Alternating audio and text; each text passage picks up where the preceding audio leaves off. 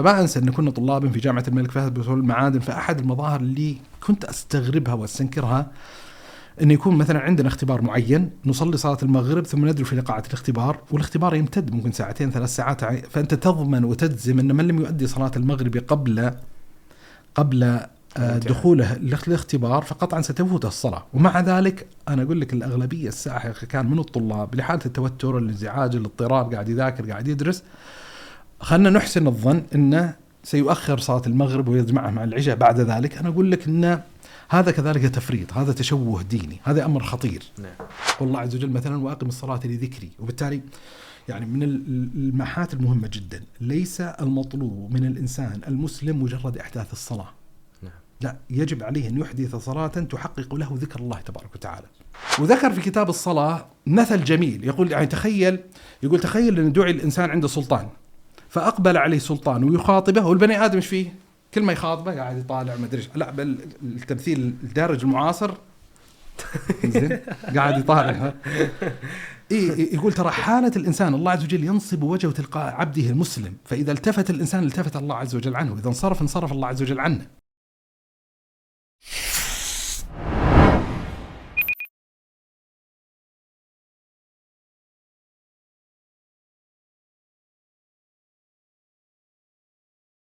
السلام عليكم ورحمة الله وبركاته. عليكم السلام ورحمة الله وبركاته يا مرحبا. حيا الله الشيخ. الله يحييك ويسلمك ويبقيك. الله يبارك فيك ما شاء الله اليوم رجعت لنا بالثوب. والله أنتم تقولون one has to go back to his roots ولا هي نوع من أنواع العودة للجذور. طبعا تدري اللي زي السعودي أريح من من زيكم يعني ما شاء الله. زينا. الله يبارك فيك شيخ. Nobody knows what's happening below the table. فممكن لابس أنت ثوب وما ندري يعني. جزاك الله خير شيخ. طيب آه، موضوع اليوم موضوع آه، مهم مركزي. آه القرآن مطلي بهذا الموضوع من أوله إلى آخره وهو موضوع الصلاة. طيب آه، يتبادر للذهن السؤال البديهي لماذا طرح موضوع الصلاة؟ وكلنا مسلمين ونعرف أن الصلاة مركزية ومهمة فلماذا الحديث عن الصلاة؟ والله الموضوع مثل ما ذكرت يعني المفترض أن ما يكون هنالك منازع كبيرة أصلا في أهمية ومركزية الصلاة. يعني في التصور الإنسان المسلم. بل يعني من القضايا أصلا المفرقة بين الإسلام التي لا يختلف ويتنازع فيها أهل العلم في دخوله في دائرة أهل الإسلام وخروج من دائرة الإسلام اللي هو قضية الإيمان بشرعية ووجوب الصلاة وعدم الإيمان بها. ولذا حتى لما يناقشون الفقهاء قضية أنه ما حكم تارك الصلاة لما يتعرضون لتارك الصلاة جحودا لا يوجد منازع بين أهل واحد من أهل العلم في أن ذلك الرجل يكون كافرا لأنه منكر من دين الإسلام ما هو معلوم بالضرورة. بل ما ينبغي يكون أصلا هنالك منازع حقيقية أن من أفضل التعبدات والقربات إن لم يكن أفضلها وهو يجري على لسان بعض أهل العلم أن أفضل العبادات العملية هي الصلاة. آه، مفترض ما يكون أصلا هذا محل بحث ومحل مناقشة، يعني ليس بواعث طرح هذا الموضوع اللي هو مجرد التأكيد على هذه القضية البديهيه، وإن كان التذكير بها يعني والتواصي بهذا التذكير أعتقد انها قضية جيدة وقضية مهمة. يعني وخلنا حتى نؤسس يعني أشبه القاعدة المعرفية العلمية اللي تأسس عليها هذه القضية. أحد المعايير الأساسية التي ينبغي على الإنسان المسلم أن يدركها في في أهمية موضوع أو قضية معينة هي في طبيعة تناول الوحي بهذه القضية. يعني بمعنى نأتي لقضية الصلاة. لما ينظر الإنسان إلى طبيعة تناول الوحي لقضية الصلاة يجد أن تناولها بطريقة إلى حد ما استثنائية. يعني الأول من جهة كمية النصوص كمية النصوص الشرعية المتعلقة بقضية وفرضية الصلاة ومشروعية الصلاة وأحكام الصلاة متعددة وهائلة وكثيرة جدا. فأي قضية قاعدة عندك كل ما زاد ذكر قضية معينة في الكتاب والسنة دل ذلك على شرف وأهمية ومحورية هذه القضية. بل الغريب في موضوع الصلاة أنت ما تتكلم حتى عن جنس الصلاة والمطلق الصلاة. يعني خذ النصوص الشرعية المتعلقة بالجمعة. ستجد أن في أحاديث كثيرة جدا. في رسائل علمية أصلا طبعت تحت موضوع صلاة الجمعة. على سبيل المثال ما يتعلق يعني أصلا لما تأتي إلى ربع العبادات ربع العبادات تحتل فيه قضية الصلاة قضية محورية ومركزية وجسدا عريضا إن لم يكن هو الجسد الأعرض في كتاب العبادات. نعم. هذا الجسد العريض اللي موجود في كتاب العبادات هو مبني أصالة على كثرة وفرة النصوص الشرعية المتعلقة بهذه العبادة. فأول معيار يستطيع الإنسان يدرك من خلال أهمية قضية معينة كثرت النصوص الصلاة كثرت فيها النصوص بشكل كبير جدا. ولذا حتى مواضع الحرج الشديد فيما يتعلق بتناول هذا الموضوع أن في صعوبة حقيقية وصعوبة كبيرة جدا وهائلة. وأنا يعني ضمين وجازم أن في عدد غير قليل من النصوص الشرعية المركزية والمحورية سأغفل عنها سأنساها لا أستطيع أني أذكرها وإردها ولذا حتى يعني كما يقال من البداية أحد الكتب اللي أرشح لقراءتي فيما يتعلق باستيعاب قدر حسن من النصوص الشرعية المتعلقة بالصلاة ليس بكل يعني المتعلقة بفضائلها أهميتها وجوبها غيرها من فضائلها. يعني معاني هذه. كتاب لماذا نصلي للشيخ محمد إسماعيل المقدم؟ كتاب لطيف وجميل ويستطيع الإنسان أن يقرأ كما يقال في جلسة يسيرة. كتاب محوري وجيد. وأذكر سبحان الله المحاضرات القديمة اللي أثرت فينا على المستوى الشخصي وهي محاضرة يعني إيمانية وعظية حلوة للشيخ محمد حسين يعقوب. نعم. يا تارك الصلاة. فيها محاضرة صراحة إيمانية جيدة. فالقضية الأولى يعني هذا مجرد قبل ما ندخل في الموضوع. يعني قانون كلي في تعامل الإنسان مع القضايا أهمية أو قلة أهمية اللي هو طبيعة تناول النص الشرعي لها الكثرة أحد دلال الأهمية. الطبيعة والكيفية. إذا نزل الإنسان إلى تلك النصوص الشرعية ونظر في طبيعة تناول الوحي لقضية الصلاة الكيفيات الوعد الوعيد اللي يعلق بها يجد كذلك يؤكد على قضية أهميتها. القضية الثالثة أي فعل مشروع في الإسلام وطئ له بموطئات معينة يؤكد ذلك على شرف هذه القضية. يعني لما تأتي لمشروعية الصلاة عندك جملة من الشروط اللي استوجب الشارع فعلها قبل ما يدل في الإنسان إلى عبودية الصلاة. بل أقام الله عز وجل عبوديات معظمة في الوحي يعني أحد العبوديات المعظمة في الوحي الوضوء. والوضوء في الحقيقة إذا نظرت إليه من زاوية أخرى مع جلالته في نفسه فهو إنما شرع توطئة لعبودية أخرى وهي عبادة الصلاة أن يتوضأ الإنسان من أجل أن يصلي. وغيرها يعني يعني ممكن حتى نأتي لقضية مثلا الإتيان إليها بسكينة ووقار، الأذان الذي شرع، الإقامة التي شرعت، قضية أن تخلص الإنسان مثلا من النجاسة في بدنه في قصدي في جملة من الموطئات المتعدده والكثيرة جدا المتعلقة. فهذا كذلك من القضايا اللي تؤكد على شرف ومحوريه الصلاة، طيب لماذا الحديث عن الصلاة؟ السبب البعث الأساس أصلا للحديث هذه القضية اللي هو اللي اللي يخالط المجتمع بشكل عام لا يستطيع أنه يتغافل عن هذا المأزق المتعلق بعلاقة الناس مع قضية الصلاة. يعني نعم على المستوى النظري لا يوجد مسلم يتنكر لوجوب الصلاة، لكن على المستوى العملي هنالك تفريط هائل، تفريط مرعب، تفريط يعبر عن تشوه ديني حقيقي مجتمعي كبير جدا. يعني خلينا يعني أضرب بعض المظاهر الاجتماعية المتعددة، الآن مثلا في مقالة جميلة مقالة حلوة الشيخ إبراهيم السكران كان عنوانها من الخامسة إلى السادسة، يعقد فيها المقارنة بين لحظتين زمنيتين في يوم واحد. لحظة الأذان لصلاة الفجر وكيفية ذهاب الناس إلى صلاة الفجر ولحظة خروج الناس إلى دواماتهم. نعم. فبطبيعة الحال إذا نظر الإنسان وعقد المقارنة بين القضيتين أن هناك مفارقة تعبر عن مأزق اجتماعي حقيقي متعلق بهذه العبودية وهذه الصلاة.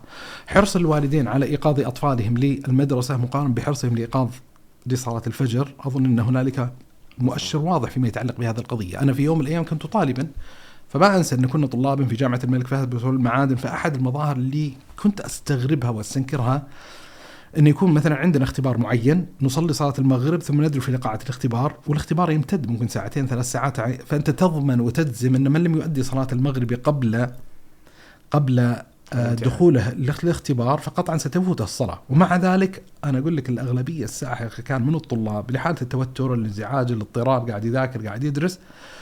خلنا نحسن الظن إنه سيؤخر صلاة المغرب ويجمعها مع العشاء بعد ذلك. أنا أقول لك إنه هذا كذلك تفريط هذا تشوه ديني هذا أمر خطير نعم. ليس بالضرورة حتى يعني ليس مورد التهمة ولا عندي أصلا قضية إحصائية أدرك من خلالها قضية أن عدد تارك الصلاة بالكلية في المجتمع المسلم مع اعتقادي أن هنالك مأزق متعلق هذه قضية انطباعية لكن يستطيع الإنسان أن يدرك على مستوى درجات معينة أن هنالك يعني هنالك تفريط في تأدية الصلاة في وقتها. هذا قضية أظنها يستطيع الإنسان أن يدركها من خلال تماس مع دوائر اجتماعية واسعة.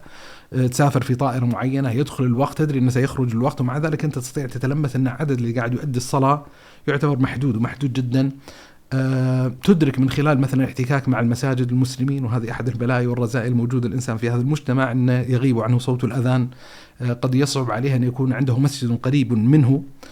لكن على الأقل في ديار الإسلام في يعني عندنا لا يدرك الإنسان فعلا إن عدد الساكنين في حي واحد أقل بكثير يعني أكثر بكثير جدا من عدد الذين يشهدون ممن ينبغي أن يشهدوا مثلا صلاة الجماعة. ف في مشكلة يعني اجتماعية متعلقة بهذه القضية. المفارقة وهذه سبحان الله مفارقة عجيبة موجودة يتلمسها الإنسان في حياة الناس وتتردد أصداءها في المدى التاريخي. يعني من العبارات اللي استوقفت الإمام الذهبي رحمة الله عليه في كتابه الكبائر.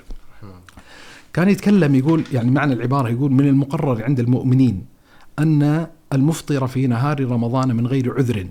يعني ذكر من غير سفر ولا مرض يعني مقصود من غير عذر آه، بأنه أشد سوءا من شارب الخمر أو مدمن الخمر ومن الزاني. يعني في النظر يعني من المقرر عند المؤمنين كذا. بل يعني من يعني يرونه يفطر في نهار رمضان يعتقدون فيه الزندقة والانحلال. نعم. يعني من المفارقات الغريبة وهي من القضايا اللي تستدعي نوع من أنواع تصحيح النظر. الناس يستعظمون ويستهولون حالة إنسان معين يفطر في نهار رمضان بل من الأشياء الغريبة كثير ممن يترك الصلاة بل يكون تاركا للصلاة بالكلية. لما يأتي رمضان يصوم رمضان. مع أن أهمية الصلاة ومحوريتها في التصور الإسلامي هي مقدمة على قضية الصيام، يعني ينبغي أن يكون استبشاع الناس لحال الإنسان الذي يترك الصلاة أشد من يعني استبشاعهم لمن أفطر في نهار رمضان، إيه. وليس المقصود بطبيعة الحال التزهيد من أهمية الصيام، الصيام هو ركن من اركان الاسلام، هي قضية مهمة جدا، خطير جدا جدا جدا أن يفطر الإنسان في نهار رمضان من غير عذر. لكن هي نوع من انواع التراتبيه، يعني لأن يفضي العبد إلى الله سبحانه وتعالى، وهو محافظ على الصلاة مفرط في الصيام أهون عنده سبحانه وتعالى آه، أن أن يكون متاركا للصلاة وإن كان صائما، فهذه قضية أظن تستدعي نوع من أنواع المراجعة. فالمبرر يعني حتى يتضح المبرر لطرح الموضوع هذا انه هو مجرد خلينا نقول انه مجرد داخل في الاطار التذكيري. إن نذكر المسلمين بأهمية هذه العبودية أو هذه القضية نحاول أن نتواصى فيها على الخير بحيث يتجاوز الإنسان مثل هذا المأزق الاجتماعي بشكل عام ويتجاوز الإنسان إن كان مفرطا في الصلاة مازقه الذاتي ومازقه النفسي. جميل جدا. هذا ما يخص باستفاضة القول في الوحيين من في مركزية الصلاة. طيب إيش أهمية طرح الموضوع في واقعنا الحالي ومجتمعنا الحالي؟ طيب يعني ممكن يعني أذكر بجملة من القضايا، طبعا أنا نبهت التنبيه الأول ما يتعلق بالمأزق الاجتماعي المتعلق بالمحافظة على الصلاة ومبررات طرح هذا الموضوع، لكن خلينا نعمق الموضوع أكثر آه إن في معطيات أظن موضوعية موجودة في الزمان الذي نعيش فيه تستدعي فعلا مراجعة فيما يتعلق بعلاقتنا مع الصلاة، يعني مثلا خذ مثلا من المزاجات الغالبة في الزمان الذي نعيش فيه المزاج المادي، المزاج نحن نعيش في مزاج مادي، زين؟ يحتاج الإنسان من فترة إلى فترة معينة أن يتحرر من رفقة الطين وأن يتسامى بروحه إلى السماء، يحتاج الإنسان شوي إنه يعني مثلا من المشكلات الموجودة اللي تسارع وتيرة الحياة، الحياة متسارعة إيقاعاتها بشكل كبير جدا. مما يحتاج الإنسان من بين فترة وأخرى أن يختلس كما يقال نفسه من وطأة ضغط هذه الحياة المادية وينسحب قليلا بحيث أنه يراجع علاقاته فيما يتعلق بالله عز وجل. يعني أصلا من المظاهر يعني خلينا يعني نوضحها. من المظاهر العجيبة أن الله عز وجل افترض على الإنسان خمس صلوات في اليوم والليلة. نعم. وإحنا ندرك أصلا أن كانت الشريعة الأصلية متعلقة بهذا الباب خمسين صلاة. نعم. خمسين صلاة. فيحتاج الإنسان أنه كما يقال أنه أنه يدرك هذه الحقيقة. يعني أحد المظاهر حتى اللي تلمسها الإنسان في خطاب الوحي. يعني واحد القضايا العجيبة. واحد القضايا سبحان الله اللي كان الإنسان يربى عليها في يعني كما يقال في طفولته وما بعد الطفولة اللي هو ارتباط جدول الإنسان اليومي بصلواته.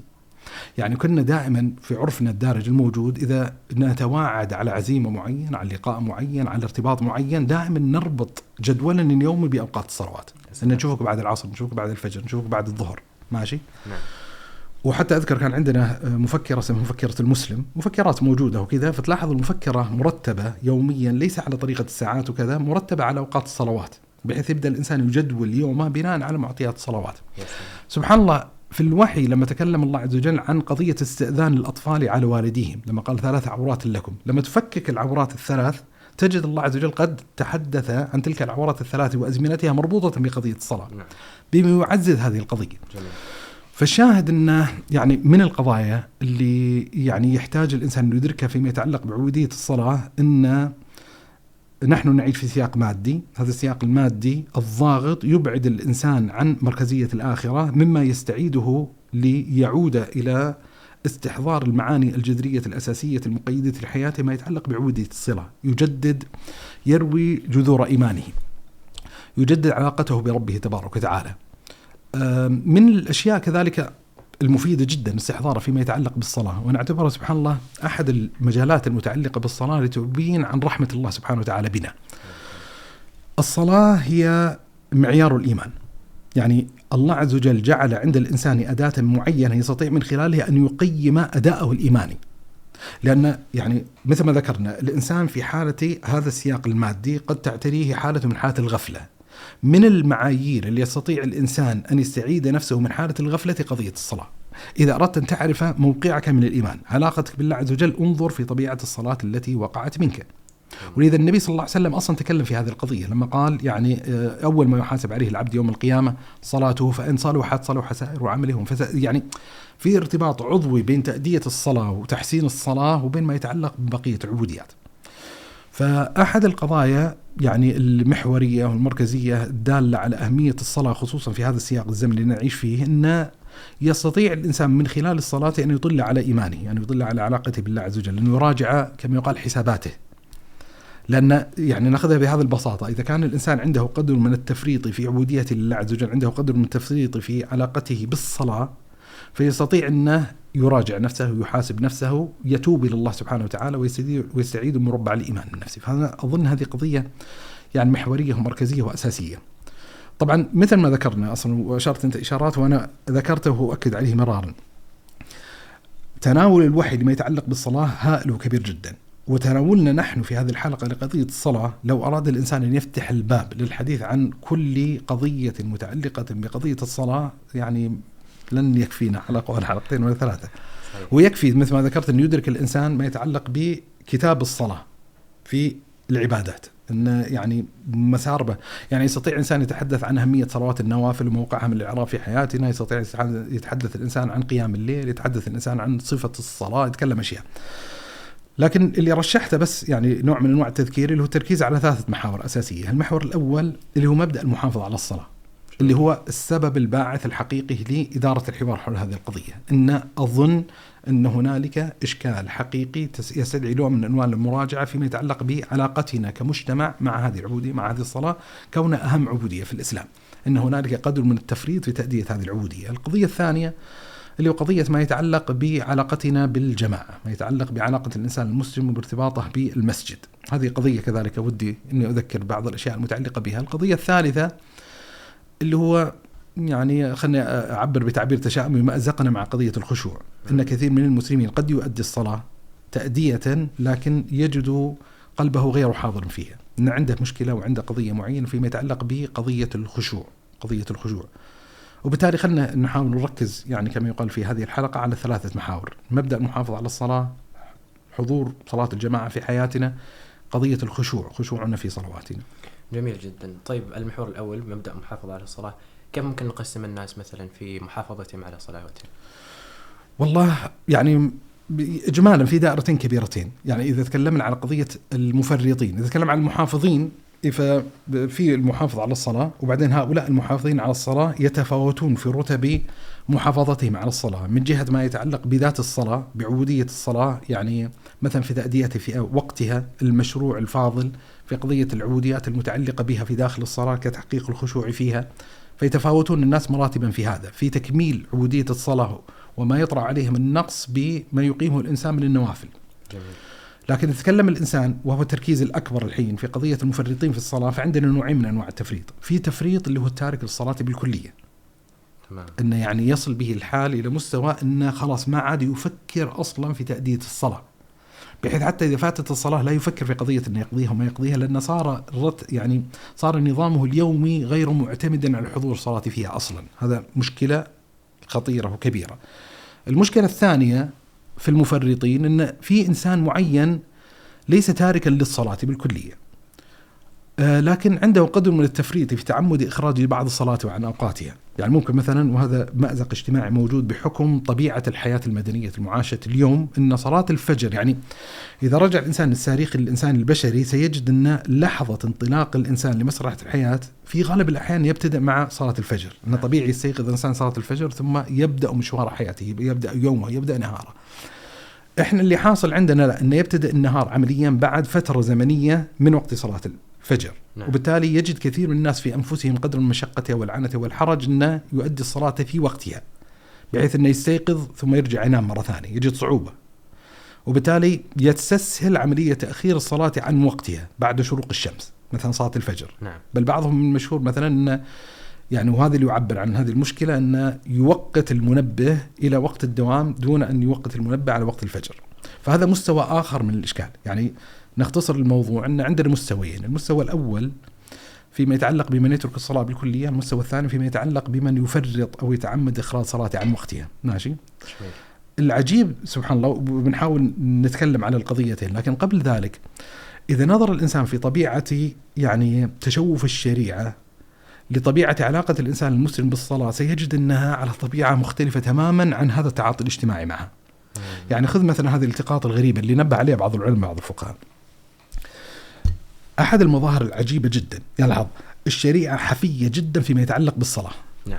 ومع ذلك هل يمكن الإنسان المسلم أن يؤدي الصلاة في أي وقت يختاره في أثناء ال 24 ساعة؟ نقول طبعا هنالك فرائض وهنالك نوافل. طيب هل يستطيع الإنسان المسلم أن يؤدي النافلة في أي وقت وفي أي حين؟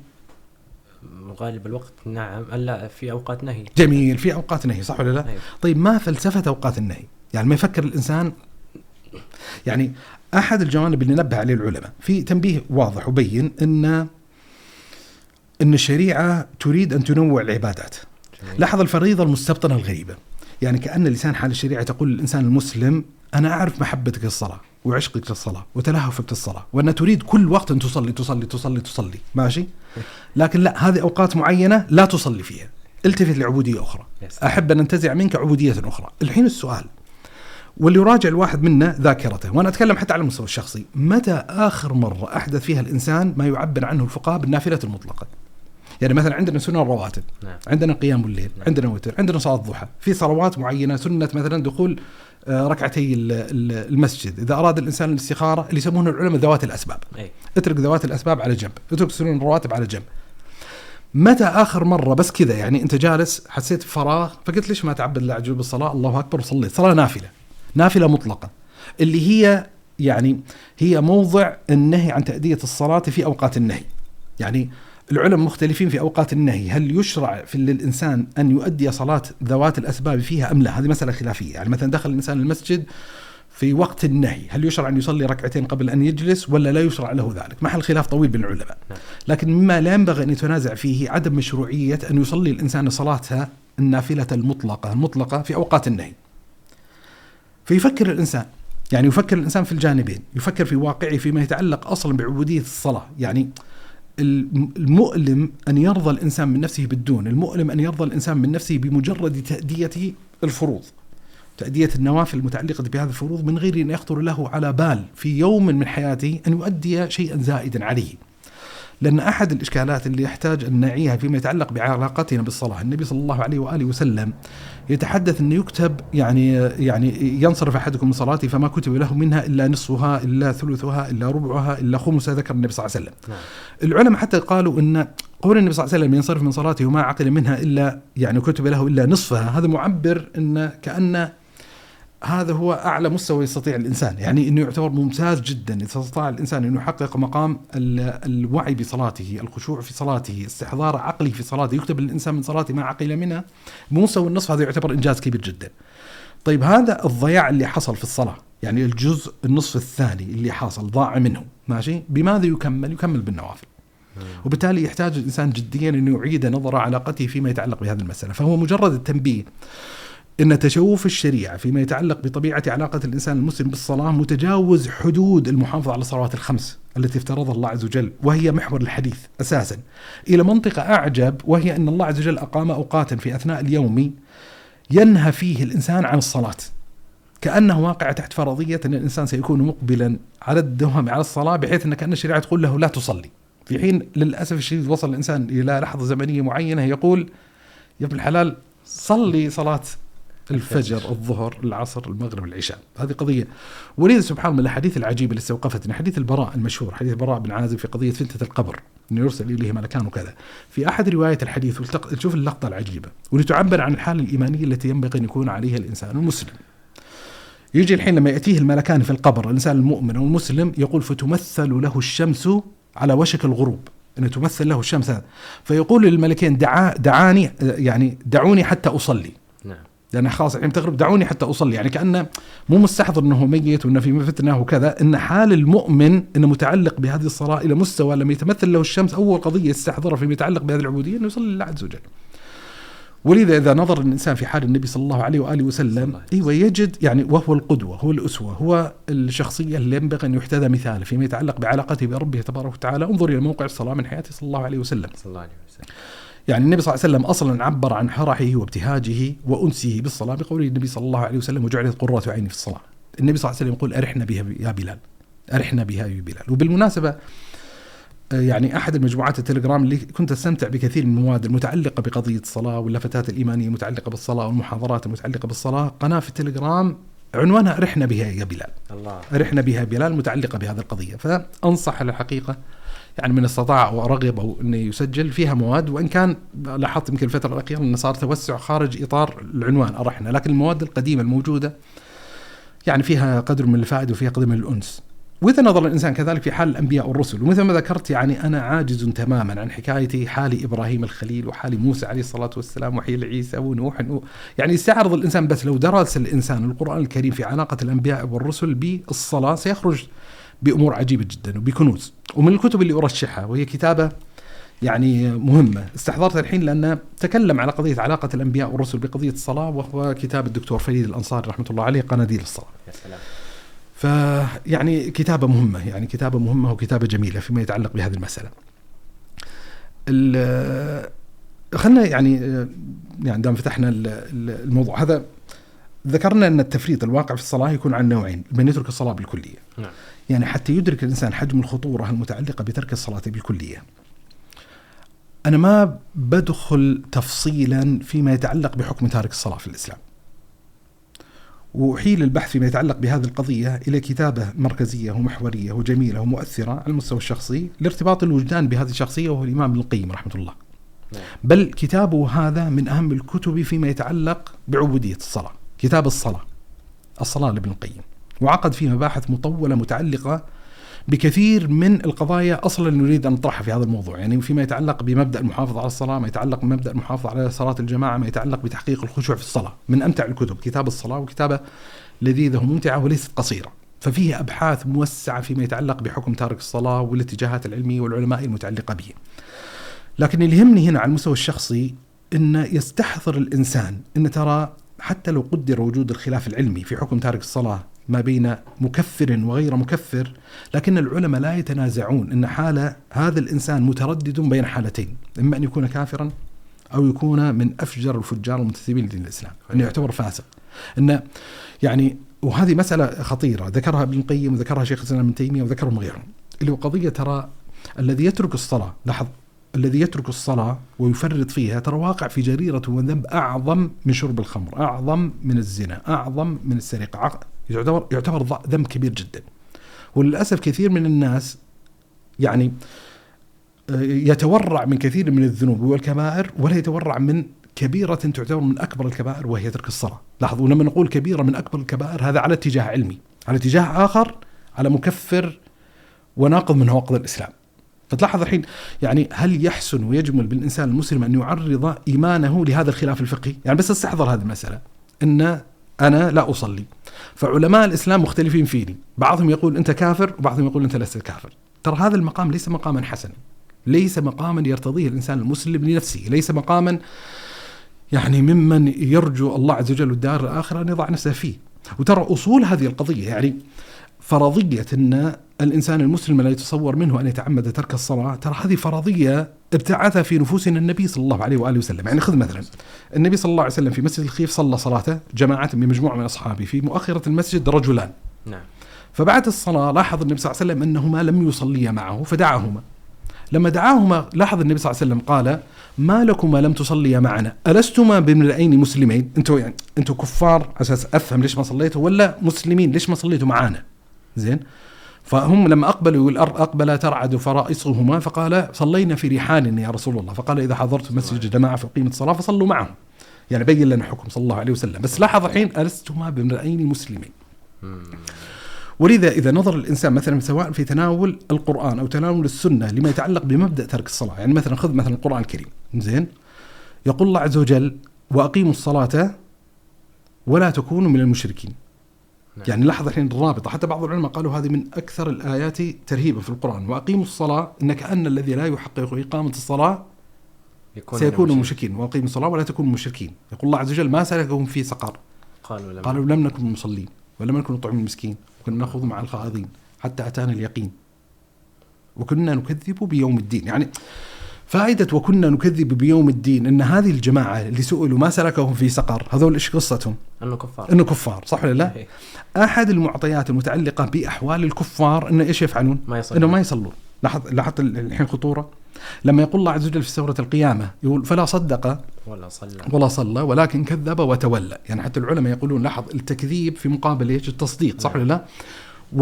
والتولي الإعراض في مقابل إيش؟ الصلاة. الصلاة. يعني الذي يحقق الصلاة هو لم يتولى عن الله عز وجل لم يعرض. لكن الذي لا يصلي لاحظ خطورة؟ النبي صلى الله عليه وسلم في الحديث المعروف المشهور يقول العهد الذي بيننا وبينهم الصلاة فمن تركها فقد كفر.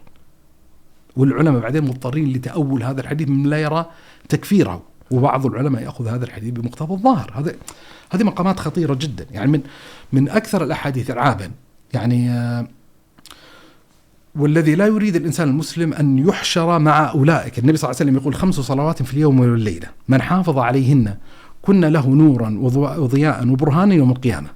ومن لم يحافظ عليهن فلا نور له ولا برهان ولا ضياء. وحشر مع فرعون وهامان وأبي بن خلف. يعني لاحظ الحين يعني الجمعة هذه مع فرعون وهامان وأبي بن خلف. أئمة الكفر الموجودين في الأرض. يحشر الإنسان معهم لعدم محافظته على الصلاة. فالشاهد يعني من الموضوع أن أن قضية خطيرة قضية تستدعي يعني مراجعة حقيقية. يعني أحد ال- أحد الفوارق الأساسية الموجودة بين حال المؤمن وبين حال المنافق. نعم. بين المؤمن والمنافق. اللي هو قضية المحافظة على الصلاة. يعني أحد المقامات المرعبة يوم القيامة قل الله عز وجل يوم يكشف عن ساق ويدعون إلى السجود فلا يستطيعون. ورد في حديث أبو سعيد الخدري إن اللي يحصل إن يكشف الجبار تبارك وتعالى عن ساقي يوم القيامة يصيرون في أرض المحشر موجودين المؤمنين والمنافقين. فلما يكشف الجبار عن ساقي إيش اللي يحصل المؤمنين؟ يسجدون لله عز وجل. والمنافقين يقول النبي صلى الله عليه وسلم فيعود ظهره طبقا واحدا فيذهب كيما يسجد بيسجد لأن صار طبق واحد فيسقط لقفاه طيب ليش عوقب المنافق بهذه العقاب؟ لأنه لأن. عنده مشكلة حقيقية فيما يتعلق بعلاقته بالصلاة. آه الله عز وجل تحدث. لاحظ لاحظ الخطورة التشبيه المتعلق. لما يقول النبي صلى الله عليه لما يقول الله تبارك وتعالى وإذا قاموا إلى الصلاة قاموا كسالى. قاموا كسالى. يراؤون الناس. لاحظ الحين فكرة أن عندك مشكلة المراءة وعندك مشكلة لاحظ هذه مشكلة. هذه تعبر عن حالة من حالات نقصان الإيمان أن الإنسان يقوم إلى الصلاة كسلان أنه غير راغب فيها أن هذا هذا هذا مقام مذموم من الإنسان المسلم. لا ينبغي أن يحققه. النبي صلى الله عليه وسلم مع أصحابه يقول تلك صلاة المنافق تلك صلاة المنافق تلك صلاة المنافق. طيب إيش صلاة المنافق؟ لاحظ الحديث عجيب هذا. يقول النبي صلى الله عليه وسلم تلك صلاة المنافق تلك صلاة المنافق تلك صلاة المنافق يجلس يترقب الشمس. فإذا أوشكت على الغروب إيش اللي فعل؟ قام فصلى أربعا يعني صلاة العصر. لاحظ في آخر الوقت. صلى يعني في آخر الوقت العلماء يقولون في الوقت الواجب وبعدين في الوقت العذر. فقبل غروب الشمس ليس مشروعا الإنسان أن يؤدي في صلاة إلا من حاجة. فيذهب يصلي أربع ركعات إيش اللي يحصل؟ ينقرها نقرا لا يذكر الله عز وجل فيها إلا قليلا. طيب الحين السؤال. الآن لما يقول النبي صلى الله عليه وسلم تلك صلاة المنافق العلماء اختلفوا. هل تلك صلاة المنافق يعني المنافق الخالص الخارج من دائرة الإسلام اللي تحدث الله عز وجل عنهم في أحوالهم يوم القيامة؟ ولا تلك صلاة المنافق إن إن ترى أنت أيها المؤمن غير المنافق منافقا خالصا، غير المنافق نفاقا اعتقاديا، غير المنافق الذي مآله أن يكون في الدرك الأسفل من النار. أنت زين أيها المؤمن بهذه الطبيعة، أيها المسلم، ماشي؟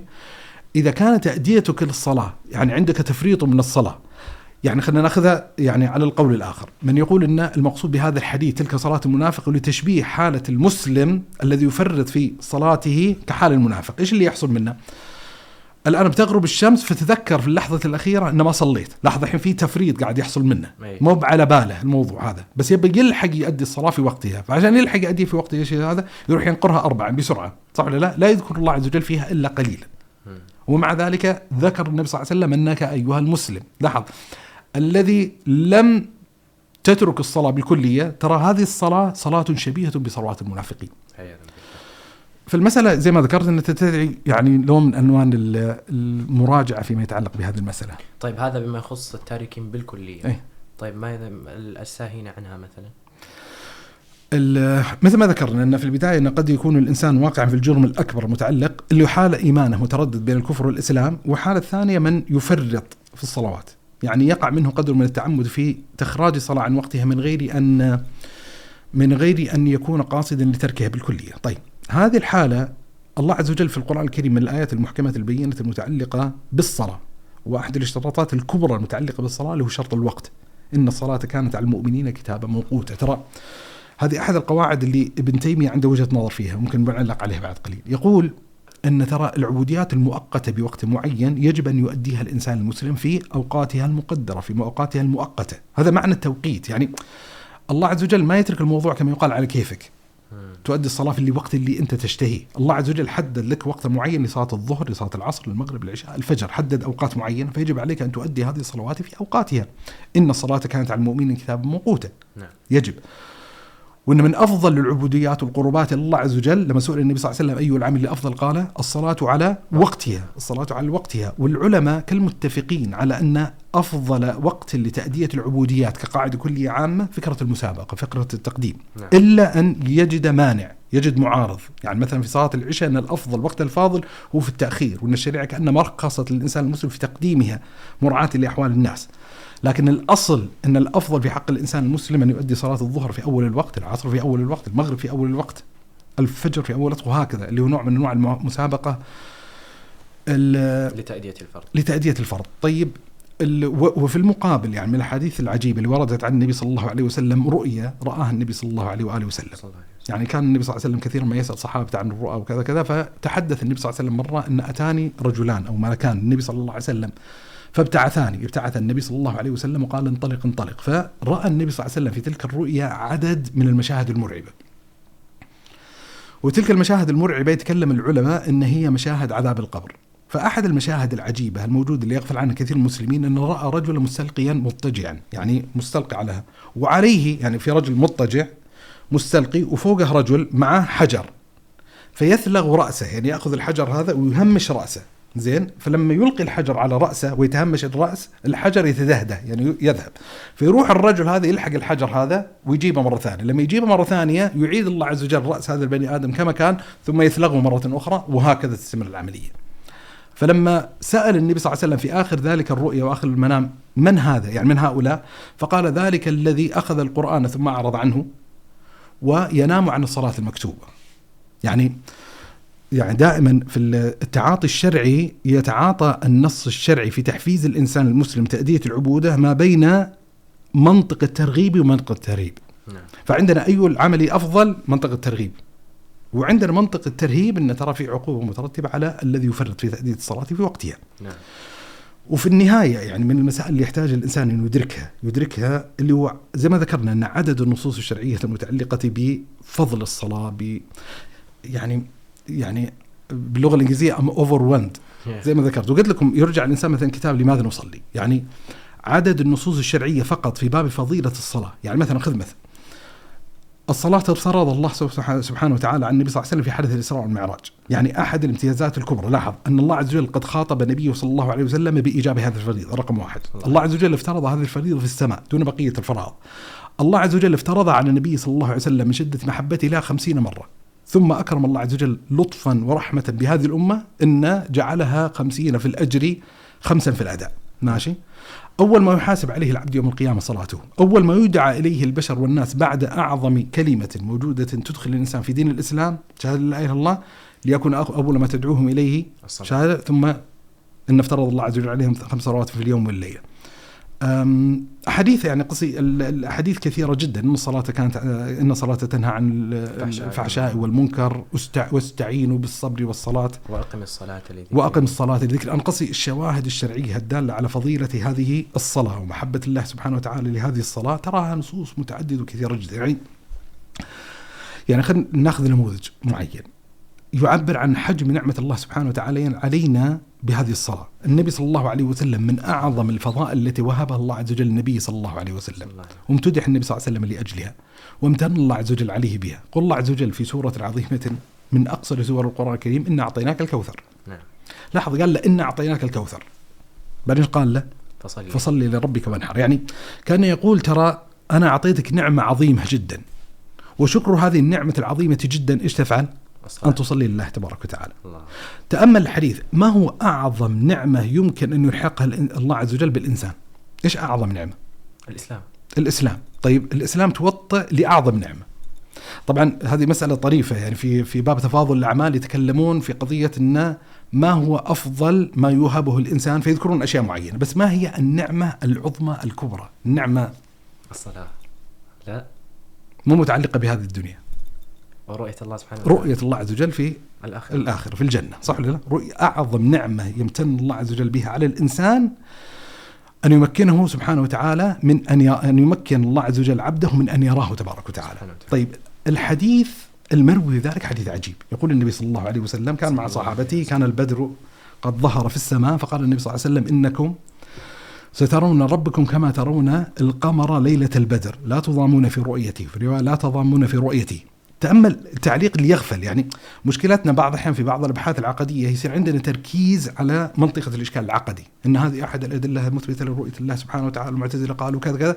من غير أن نتفطن لحواشي الحديث. يعني يصير محفوظا من هذا الحديث إنكم سترون ربكم كما ترون القمر ليلة البدر. لا تضامون لاحظ وتصير تدقيق العلم أو لا تضامون وش فرق بين تضامون؟ يلحقكم ضيم تضامون أن ينضم بعضكم بعض الحديث تتمته يقول النبي صلى الله عليه وسلم فإن قدرتم ألا تغلبوا على صلاة قبل غروب الشمس وقبل شروقها فافعلوا. الله. يعني كأن النبي صلى الله عليه وسلم يقول شفت هذا المقام العظيم ذلك النعمة العظيمة تريد أن تحققها لنفسك؟ لا تغلب على أن تصلي صلاة العصر وصلاة الفجر. فالشاهد أن الفضائل المتعلقة بهذه العبودية متعددة وكثيرة جدا. لكن أحد القضايا العجيبة اللي لفتت نظري فيما يتعلق بخصوص المسألة الثانية اللي قاعد نناقشها. يعني سبق ناقشنا ما يتعلق بتارك الصلاة بالكلية الحين قاعد نناقش ما يتعلق بمن يفرط في الصلوات. نعم. يعني بمن يتهاون فيه. يتهاون يتهاون. يقع منه التكاسل في إخراج صلاته عن وقتها. وبالمناسبة بعض العلماء يرى أن من تعمد إخراج صلاة واحدة عن وقتها يكفر. موجود يعني. يعني في اتجاهات في اتجاه في اتجاهين علميين كبار. منهم من يرى كفر تارك الصلاة.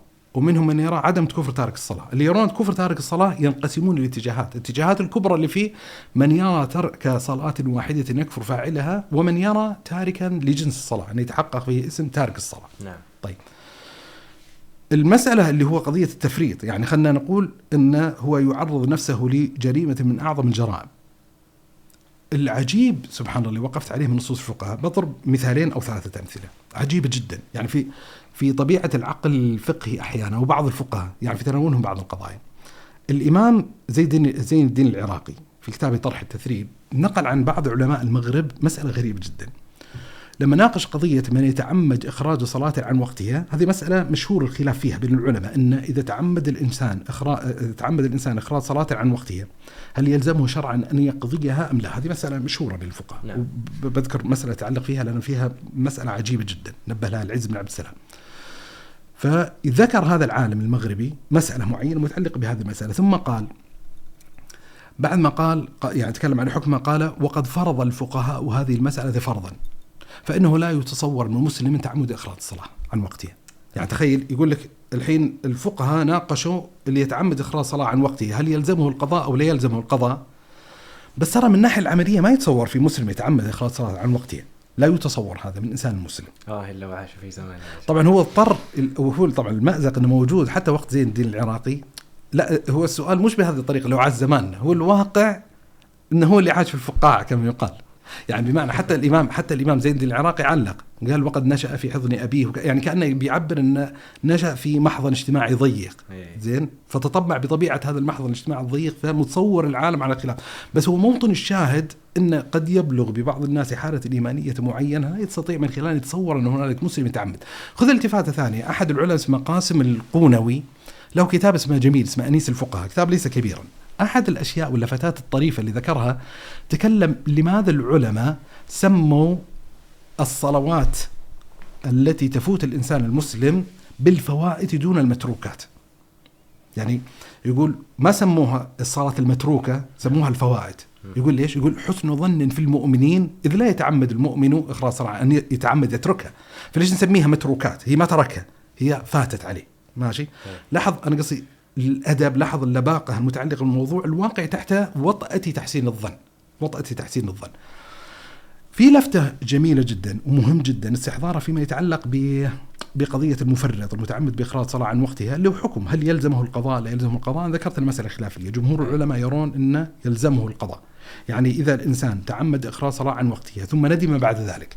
فهل يكون جزءا من توبته أن يقضي تلك الصلاة أو لا يقضيها؟ ماشي اتجاهين علميين الجمهور يرون يلزمه القضاء منها العلم اللي يرى عدم لزوم القضاء. منهم الإمام ابن تيمية رحمة الله عليه أذكر له بحث في منهاج السنة النبوية له بحث في مجموع الفتاوى. الإمام ابن القيم في رسالته اللي ذكرناها الصلاة في مدارج السالكين بحثوا المسألة هذه باستفاضة. يعني من أراد قراءة بحث فقهي ممتع يعني ممتع فليقرأ هذه الأبحاث ويستطيع الإنسان أن يقرأ ما يتعلق بال بخصوص هذه المسألة. جميل. وممن أذكر نص عليه ابن تيمية في منهاج السنة اللي هو ذكر يعني إيش اللي يحصل يعني في جزء من النقاش الفقهي؟ الآن عندنا مذهب الجمهور زين؟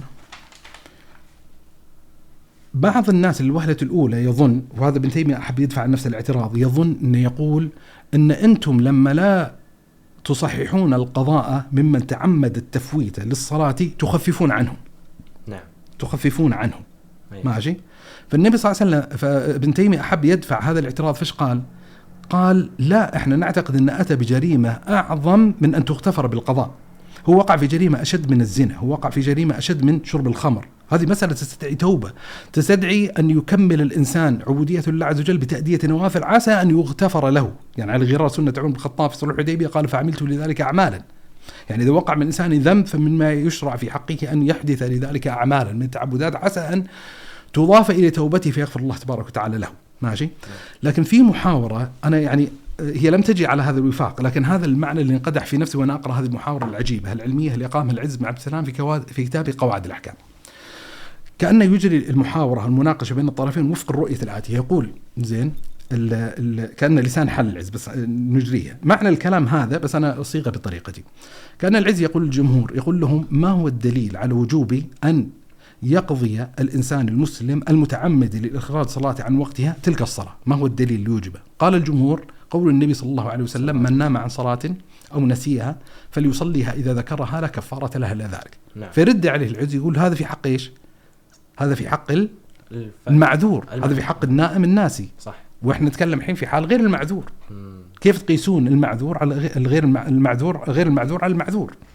فردوا عليه الجمهور قالوا لا هذا قياس أولى. يعني بمعنى إذا ألزم الله سبحانه وتعالى المعذور النائم الناس بأن يصلي الصلاة إذا فاتته فمن باب أولى فمن باب أولى أن يلزم بتأديتها غير المعذور. ماني واضح الفقه؟ واضح. فتحس لي الوهله الأولى إنه حلو المذهب متماسك. فيه يعني إنه صحيح ما نص النبي صلى الله عليه وسلم على حال غير المعذور بس إذا النبي صلى الله عليه وسلم قال يا المعذور يجب عليك أن تصليها إذا فاتتك فغير المعذور يقول لك من باب أولى. مم. فرد العز بطريقة جميلة يقول مشكلتكم أنكم تتعاملون مع الصلاة كأنها عقوبة. تتعاملون مع الصلاة باعتبارها عقوبة. في حين حقيقة الصلاة أنها رحمة. يعني بمعنى إيش؟ يقول الله عز وجل فتح بابه تبارك وتعالى لذلك المعذور. يعني يقول أنت معذور. نمت غير قاصد.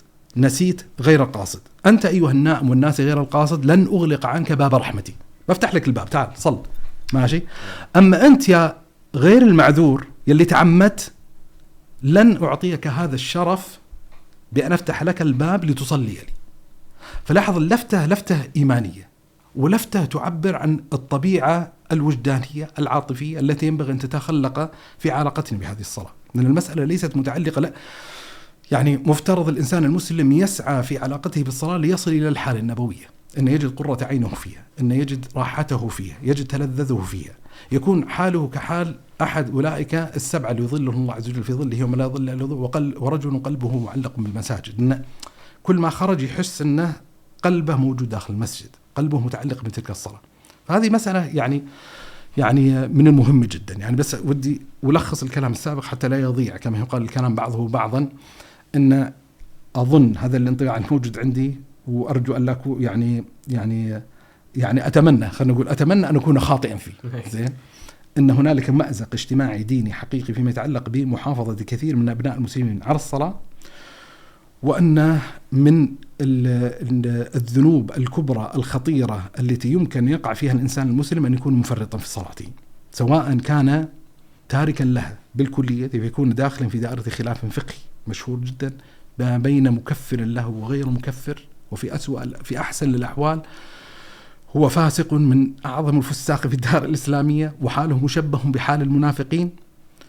ومن الذنوب والمعاصي الكبرى الكبيرة أن يفرط الإنسان في صلواته بحيث أن يتعمد الإنسان يعني تحت وطأة التكاسل والتهاون في تأدية الصلاة في أوقاتها. طيب شيخ هذا ما يتعلق بالمحور الأول اللي هو المحافظة على الصلاة. نعم. طيب المحور الثاني ذكرتم أنه الارتباط بالمسجد وبالجماعة فماذا يمكن أن يقال في هذا المحور؟ طيب يعني باختصار يعني وهو مجرد تذكير كما ذكرنا القضية الأولى يعني أحد السمات الموجودة في دين الإسلام بشكل عام أن الإسلام كما يقال دين جماعة دين جماعة. بكثير من التعبدات المتعلقة بهذا الدين شرعت شرعت جماعة يعني كما يقال. أه، بخصوص صلاة مثلا قل الله عز وجل واركعوا مع الراكعين في أدلة شرعية متعددة وكثيرة جدا. يعني يعني النصوص الشرعية المتعلقة بأهمية صلاة الجماعة متعددة، يعني مثلا قول النبي صلى الله عليه وآله وسلم, صلى الله عليه وسلم. لقد هممت أن آمر بالصلاة فتقام ثم أخالف إلى أقوام لا يشهدون الصلاة فأحرق عليهم بيوتهم من نار، يعني بلغ بالنبي صلى الله عليه وسلم الانزعاج من حالة بعض المنافقين الموجودين في المدينة، النبي صلى الله عبد الله بن مسعود يقول يقول لقد رأيتنا وما يتخلف عنها إلا معلوم إلا منافق معلوم النفاق. يعني والنبي صلى الله عليه وسلم كان يتكلم عن أحوال المنافقين في قضية إن أثقل الصلاة على المنافقين صلاة العصر وصلاة العشاء يعني أو صلاة الفجر وصلاة العشاء. ف يعني كثير يمكن أن يقال بس يعني أنا بس أريد التأكيد أو التذكير بأهمية أن يكون هنالك ارتباط بالجماعة، أن يكون هنالك ارتباط بتأدية الصلوات في المسجد، إن يعني إذا شعر الإنسان يعني أحد الموجبات المحافظة على الصلاة المحافظة على الصلاة في المسجد. يعني إذا جعل الإنسان من عادته أن يصلي في المسجد فإمكانية تفريطه في صلواته ستكون محدودة جدا بخلاف إذا أوكل الإنسان إلى وقته ولسعته وأن يعني يصلي بحسب راحته فكثير من الأحيان يتطاول عليه الوقت فيغفل فينسى. ويجب يعني ونعرف مثل ما ذكرت كتاب ابن القيم الصلاة كذلك قدم معالجات مطوره فيما يتعلق بالاحكام الشرعية المتعلقة بصلاة الجماعة، يعني هل هي سنة ولا هي فرض ولا هي فرض على الكفاية وهل يشترط أن تكون في المسجد لا تكون في المسجد؟ هذه كلها يعني مسائل خلافية لا أريد التعرض لها، لكن المسألة اللي أريد التأكيد عليها إن إذا نظر الإنسان في النصوص الشرعية سيحفى سيجدها حفية بصلاة الجماعة. من جهة الترغيب مثلا يقول النبي صلى الله عليه وسلم صلاة الجماعة تعدي صلاة الفذ ب 27 درجة يعني والإنسان كما يقال مش ناقص حسنات يعني يحتاج أن يتوسع من حسناته قدر وسع الطاقة. فتخيل إن الإنسان يستطيع أن يوسع دائرة حسناته بضرب كل صلاة 27 هذا يعتبر يعني آه، مقام يأمل الإنسان المسلم أن يحققه في نفسه. أن يطمع الإنسان المسلم أن يكون من أولئك الذين يظلهم الله عز وجل في ظله يوم لا ظل إلا ظله ورجل قلبه متعلقا بالمساجد. عندنا حديث الأعمى اللي يؤكد على أهمية صلاة الجماعة. وأن على الأقل هي من المقامات الإيمانية الرفيعة التي ينبغي الإنسان المسلم ألا يفرط فيها. لما أتى النبي صلى الله عليه وسلم الرجل الأعمى فذكر له عدة اعتذارات معينة. هل تجد من رخصة؟ فقال إيش؟ قال هل تسمع النداء؟ قال نعم. قال فأجب. النبي صلى الله عليه وسلم يعني أحد الأشياء لاحظ اللي تؤكد يعني يستطيع استدلال منها على قضيتين. القضية الأولى اللي هو أهمية الصلاة ومشروعيتها ومحوريتها ومركزيتها وقضية الثانية أهمية صلاة الجماعة اللي صلاة الخوف. يعني تخيل إذا حصل الحين عندنا المواجهة بين الجيشين عندنا جيش كفار وعندنا جيش مسلمين أيوة. زين؟ في هذه الحالة لاحظ الشريعة ترخص رخص كثيرة جدا. يعني في عبوديات كثيرة مثلا الصيام لو احتاج الإنسان من مشقة إنه يفطر عنده مرض عنده سفر عنده يعني تلاحظ كثير من الأحكام الشرعية تتوسع الشريعه في الترخص. لما تأتي إلى قضيه الصلاة حتى في هذه الحالة ما تقول الشريعة خلاص لا تصلي الحين إذا خرج الوقت واطمأننتم وكذا صلوا. حتى في هذه الحال. ويفرض لهم صلاة معينة يستطيع الإنسان أن يوازن بينه وبين أن يكون متعلقا بالله عز وجل مصليا له تبارك وتعالى وفي نفس الوقت له اتصاله بمجريات المعركة اللي واقعة أمامه. يا سلام. ف ولاحظ يعني أحد التشريعات اللي كانت محتملة لولا أهمية ومحوريه صلاة الجماعة انه إيش يفعل الله عز وجل؟ انه يأمر خلاص صلوا بس كل واحد يصلي يعني منفردا. لوحده بحيث انه يتوزعون أوقات الصلوات ناس لا يروح يوزعهم بطريقة معينة بحيث يصلون مجموعة في مجموعة يقيمون مع النبي صلى الله عليه وسلم ثم ينصرفون أولئك ويجون مجموعة يكملون جماعة وكذا. فحتى في هذه الظروف حتى في هذه الملابسات في حرص شديد على ما يتعلق بقضية الجماعة. يعني مثلا الحين جمع الصلاة من أجل المطر.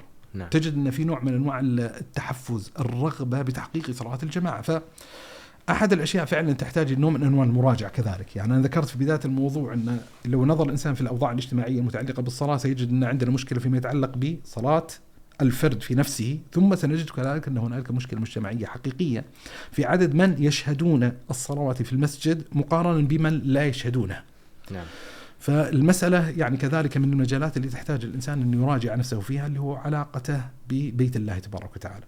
وزي ما ذكرت في بداية الموضوع أن الشريعة تتشوف إلى إحداث حالة إيمانية أعظم من الأحوال الإيمانية الموجودة عندنا يعني مثلا من النبي صلى الله عليه وسلم لما تكلم عن. المكفرات وكذا في الحديث الطويل وكذا قال وانتظار الصلاة إلى الصلاة يعني تحي أنت لاحظت المشكلة لما لما يصير الشريعة محفزة إلى تحقيق ذلك المقام الإيمان الرفيع وأنت مضطر أن تتخندق في مربع الجدل أن أن أيوة، نصلي أيوة.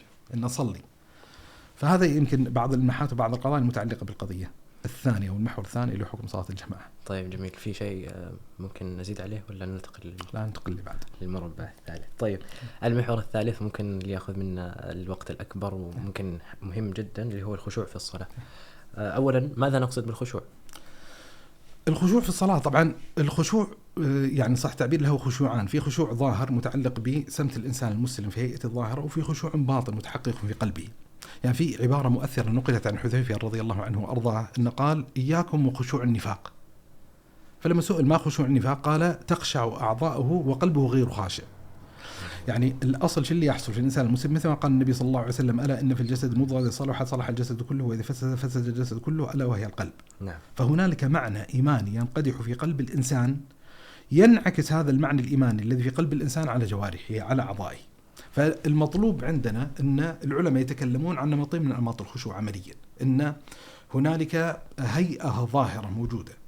نوع من أنواع يعني الخشوع الأعضاء بمعنى أن هنالك نوع من أنواع السكينة، نوع من أنواع الثبات، نوع من أنواع الاستقرار، ما تحصل الله جالس يتأرجح يعني كما يقال أن أعضاء مضطربة. نعم.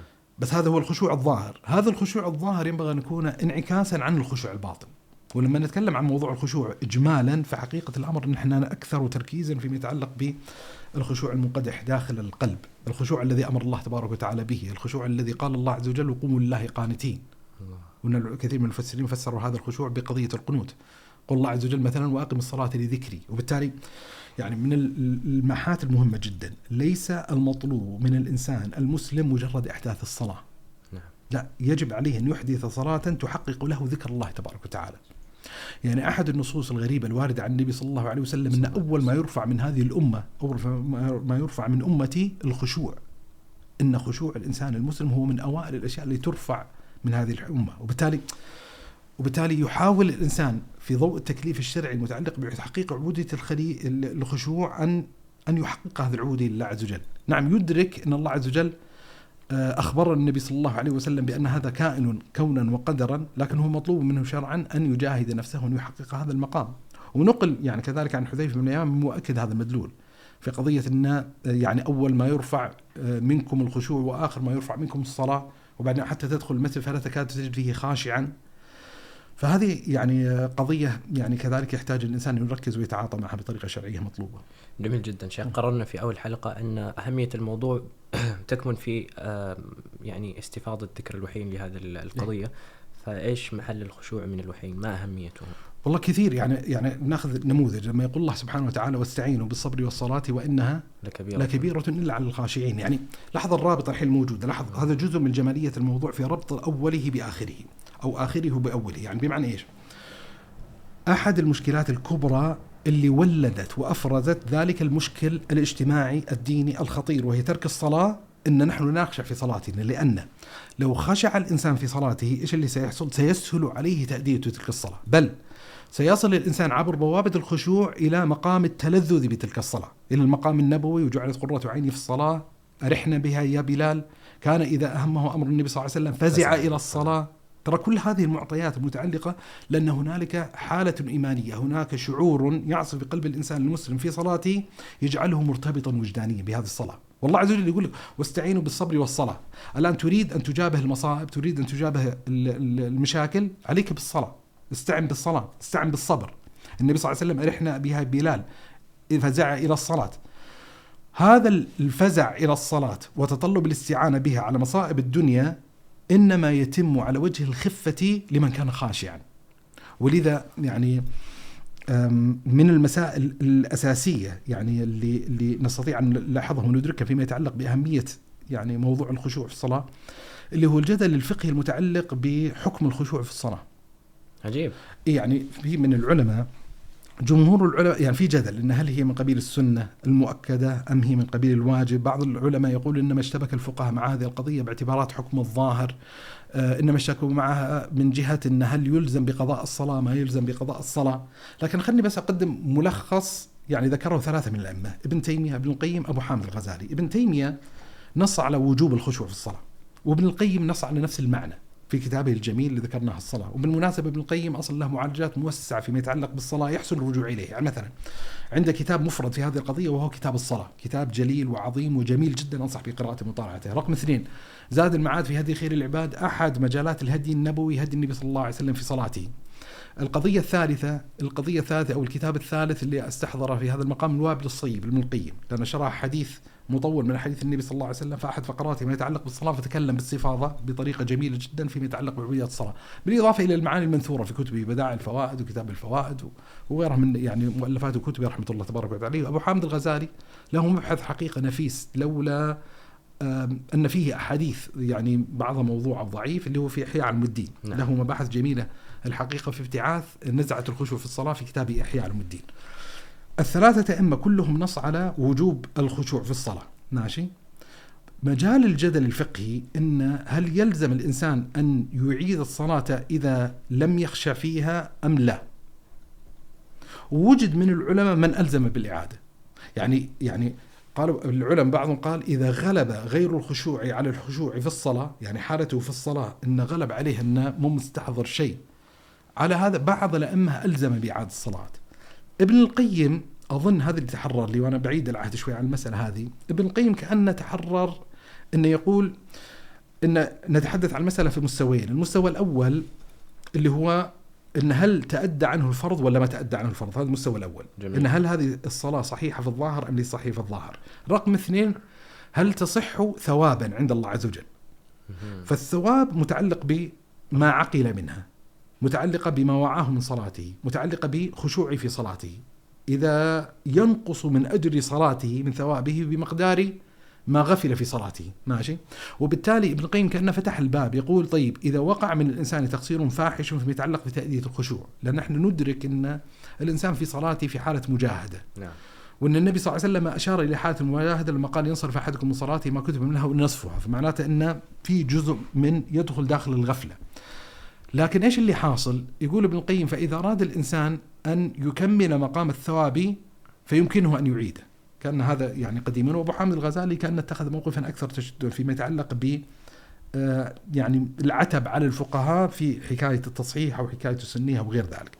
لكن موطن الشاهد إن يظهر لي من من من ظواهر النصوص الشرعية ان أن مقام الخشوع هو المقامات الواجبة التي يجب على الإنسان أن يستحضر في صلاته، لا يصح الانسان يعني في أثناء صلاته أن يتقصد الغفلة عن صلاته، يتقصد أن يسرح بذاكرته وخياله وعقله يمنة ويسرا كما يقال.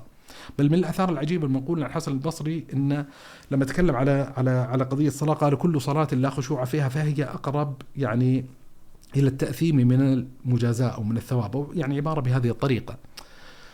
فيعني هذه المسائل أظن انها تؤكد أهمية الصلاة، يعني ملخص الكلام أن كثير من أهل العلم يرى وجوب الصلاة بل وجد من أهل العلم من يبطل الصلاة إذا لم يخشع فيها أن مما يؤكد أهمية الصلاة أنها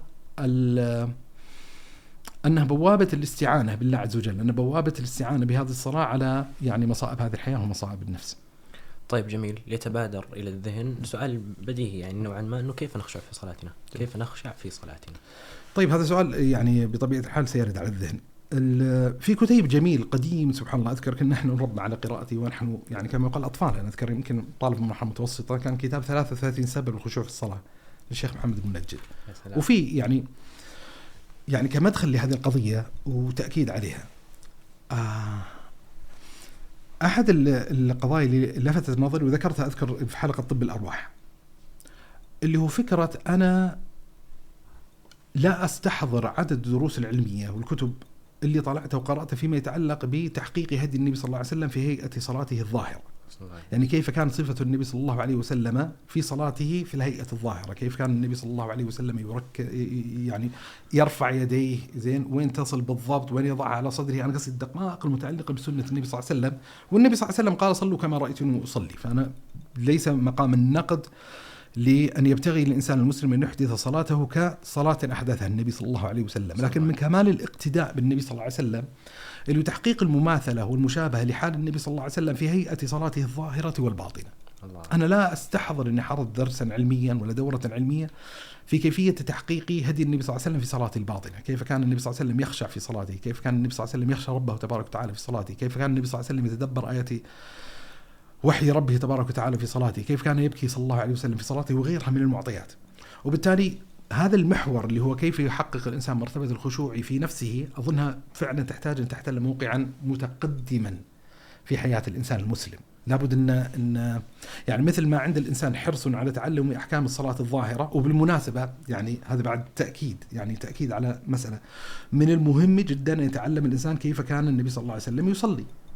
يعني لا يصح للإنسان المسلم أن يوقف تعبداته بناء على مجرد التوريث الاجتماعي. أن والله أنا تعلمت في طفولتي أبناء الحي هكذا نصلي في المسجد لا هذا ليس كافيا في تأدية العبودية لله عز وجل.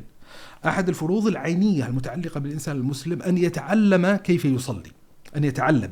يعني لما نقول يتعلم كيف يصلي معناته أنه لابد أن يفرغ الإنسان من وقته حتى يتعلم. ما هي بالمسألة خاضعة لمجرد التنشئة الاجتماعية. يا سلام. أن تعل يعني تعلمت وراثة. ما أدري ما أدري متى حتى لا أت... لا أتذكر بالضبط متى تعلمت هذه المسألة. نعم. لا يحتاج الإنسان أن يراجع كتابا يحضر دورة يشاهد مقطعا يعلم لأن أحيانا قد يقع كثير من المسلمين في أخطاء جذرية فيما يتعلق بقضية الصلاة من غير أن يشعرون.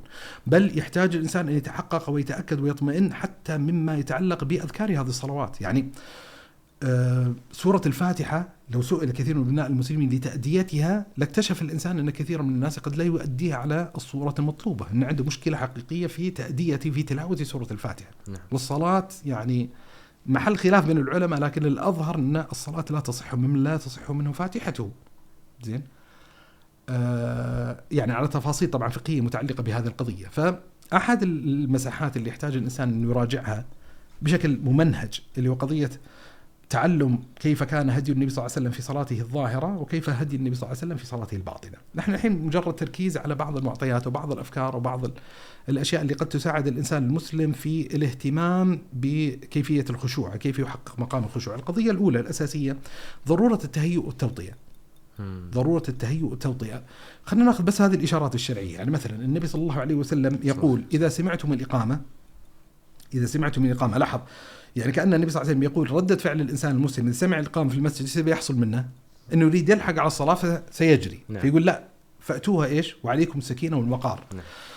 لأن إذا دخل الإنسان في الصلاة وهو يتنفس زين إلى الحين يعني في قفزة إلى مربع الخشوع ما يستطيع أنه يجسرها ما يستطيع الانتقال من حالة التحفز اللي كان موجودة حالة الاضطراب حالة التوتر إلى هذه اللحظة لا يحتاج الإنسان أن يكون ساكنا عليه الوقار بحيث إيش اللي يصير فما أدركتم فصلوا وما فاتكم فأتموا. نعم. مثلا من جوانب التهيئة لاحظ أصلا يعني زي ما ذكرنا الصلاة هيئت بموطئات هيئت بتعبدات معينة. نعم. كأن الشريعة تت يعني تبي تخلق فيك حالة من حالات التشوف لإحداث هذه العبودية. إن كأن الشريعة تبي تقول لك ترى اعرف على من أنت مقبل. إن أنت ترى مقبل على الله عز وجل. وبالتالي يجب على الإنسان المسلم أن يستشعر هذا الإقبال. يعني يعني خلينا يعني ناخذها على مستويين، المستوى الأول لاحظ من الموطئات الأساسية أن الشريعة راعت الطبيعة النفسية للإنسان المسلم لحظة إقباله على الصلاة، مثلا لما يقول النبي صلى الله عليه وسلم. إن إن مثلا لا, لا لا- يعني لا يصلي الإنسان المسلم وهو يدافع الاخبثان. يعني إنسان مثلا يريد الذهاب إلى دورة مياه، نعم إما حاقن أو حاقب ف لا اذهب إلى دورة مياه حتى لو فاتت صلاة الجماعة. لأن أولوية التركيز على ما يتعلق بتحقيق العبودية في الصلاة اللي هي تحقيق الخشوع. يصعب على الإنسان إذا كان محشورا كما يقال يريد الذهاب لدوره مياه أن يكون خاشعا فيها. مثلا آه مثلا طيب إذا إذا حضر الطعام. نعم. إذا حضر مثلا العشاء وحضر العشاء. زين؟ أو لا يصلي الإنسان بحضرة الطعام. لا يقضي الإنسان نهمة من هذا الطعام ويقيس عليه الإنسان نماذج. يعني مثلا إذا كان الإنسان في حالة من حالات التوتر والانفعال الشديد جدا الذي يد- يدرك من نفسه أنه يصعب عليه تحقيق مقام الخشوع فيها فيجوز له شرعا أن يؤخر الأمر إلى لحظة تحقيق مقام الخشوع ما دام في الوقت. فهذه مسألة مهمة وجذرية. على المستوى الثاني اللي هو ضروره استشعار أن ترى هو في مقام بين يدي الله تبارك وتعالى. يعني خلينا ناخذ أثر أو مثل طريف ذكره الإمام ابن القيم رحمة الله عليه في كتاب بدائع الفوائد، ذكر بعض الحكاية بعض القصص العجيبة جدا فيما يتعلق بمقامات الخشوع اللي كانت حاصلة عند أئمة السلف، ذكر عدة مواقف ثم ختمها بمثال جميل. قال يعني مثل قال يعني كان حكى حكاية معينة قصة إن فأرة أخذت بلجام جمل، عندك جمل وفي فأرة فأرة أي. ماسكة الجمل وتجرها زين؟ أيوه. فلما وصلوا إلى دار الفأرة نظر الجمل إلى الفأرة بلسان الحال قال إما أن تتخذ دارا يليق بمحبوبك أو محبوبا يليق بدارك. يعني أنا جمل مستحيل أدخل فإما أن تأخذ دارا أكبر يتسع لي أو تتخذ محبوبا يليق بدارك. ابن القيم انتزع منها منزع جميل. قال وهكذا أنت إما أن تتخذ صلاة تليق بمعبودك أو معبودا يليق بصلاتك. وذكر في كتاب الصلاة مثل جميل. يقول يعني تخيل يقول تخيل أن دعي الإنسان عنده سلطان فأقبل عليه سلطان ويخاطبه. والبني آدم إيش فيه؟ كل ما يخاطبه قاعد يطالع ما أدري. لا بل التمثيل الدارج المعاصر زين قاعد يطالع. إيه يقول ترى حالة الإنسان الله عز وجل ينصب وجهه تلقاء عبده المسلم. فإذا التفت الإنسان التفت الله عز وجل عنه. إذا انصرف انصرف الله عز وجل عنه. وبالتالي يحتاج الإنسان أن يستحضر هذا الاتصال، يستحضر هذا الشعور، يعني حاول قدر وسعتك وطاقتك أن تستحضر هذه المعاني، يعني النبي صلى الله عليه وآله وسلم في حديث جميل وحديث رائع وحديث الحقيقة يعني لو استطاع الإنسان أن يحقق في نفسه لحظة دخوله في الصلاة لا أثر في صلاته تاثيرا بالغا، يقول النبي صلى الله عليه وسلم في الحديث القدسي قال الله تعالى: قسمت الصلاة بيني وبين عبدي، فإذا قال عبدي الحمد لله رب العالمين قلت حمدني عبدي فإذا قال الرحمن الرحيم أثنى علي عبدي. فإذا قال مالك يوم الدين مجدني عبدي. فإذا قال إياك نعبد وإياك نستعين يقول الله عز وجل هذا بيني وبين عبدي. فإذا قال اهدنا الصراط المستقيم إلى آخر الفاتحة قال هذا لعبدي ولعبدي ما سأل. لو استشعر الإنسان أن لحظة ما قاعد يتحدث بهذا هذا ليس قبيل مجاز. نحن لا نتكلم عن إنسان. إذا انشغل بإنسان انشغل عن إنسان آخر، نتكلم عن الله عز وجل تبارك وتعالى الذي ليس كمثله شيء سبحانه وتعالى. سبحان الله. فيستشعر الإنسان إنه لحظة ما قاعد يؤدي هذه العبودية لله عز وجل، لحظة ما قاعد يؤدي هذه الكلمات لله عز وجل يستحضر هذه المحاورة اللي قاعد تجري بينه وبين الله سبحانه وتعالى. يعني يحاول قدر وسعه وطاقته على الأقل في الصلاة أن يستحضر معنى أعلى المراتب الدينية على الإطلاق وهو مقام الإحسان. قال الإحسان أن تعبد الله كأنك تراه فإن لم تكن تراه فإنه يراك يعني أن تعبد الله كأنك تراه طيب إذا كان الإنسان عاجزا عن تحقيق هذا المقام أني لا أستطيع أن أتعبد أني كأني أراه فاستحضر في أثناء صلاتك أن الله سبحانه وتعالى يراك. يراك. فهذه يعني هذه من المسائل كذلك ال- ال- ال- المهم استحضارها. من الأشياء كذلك اللي ممكن تساند فيما يتعلق بقضية الخشوع ومهمة جدا مهمة جدا. وهذه أنصح بقراءة عدد من الكتب فيها. الكتاب اللي أشرت له الحين ميرانا كتاب الصلاة لأن انتزع منه انتزع منه مبحث معين تحت عنوان ذوق الصلاة ذوق الصلاة. هذا المبحث المنتزع من ذوق الصلاة زين وإحياء علوم الدين تكلم على هذه القضية وغيرهم من العلماء يتكلموا في هذه القضية اللي هو مسألة مسألة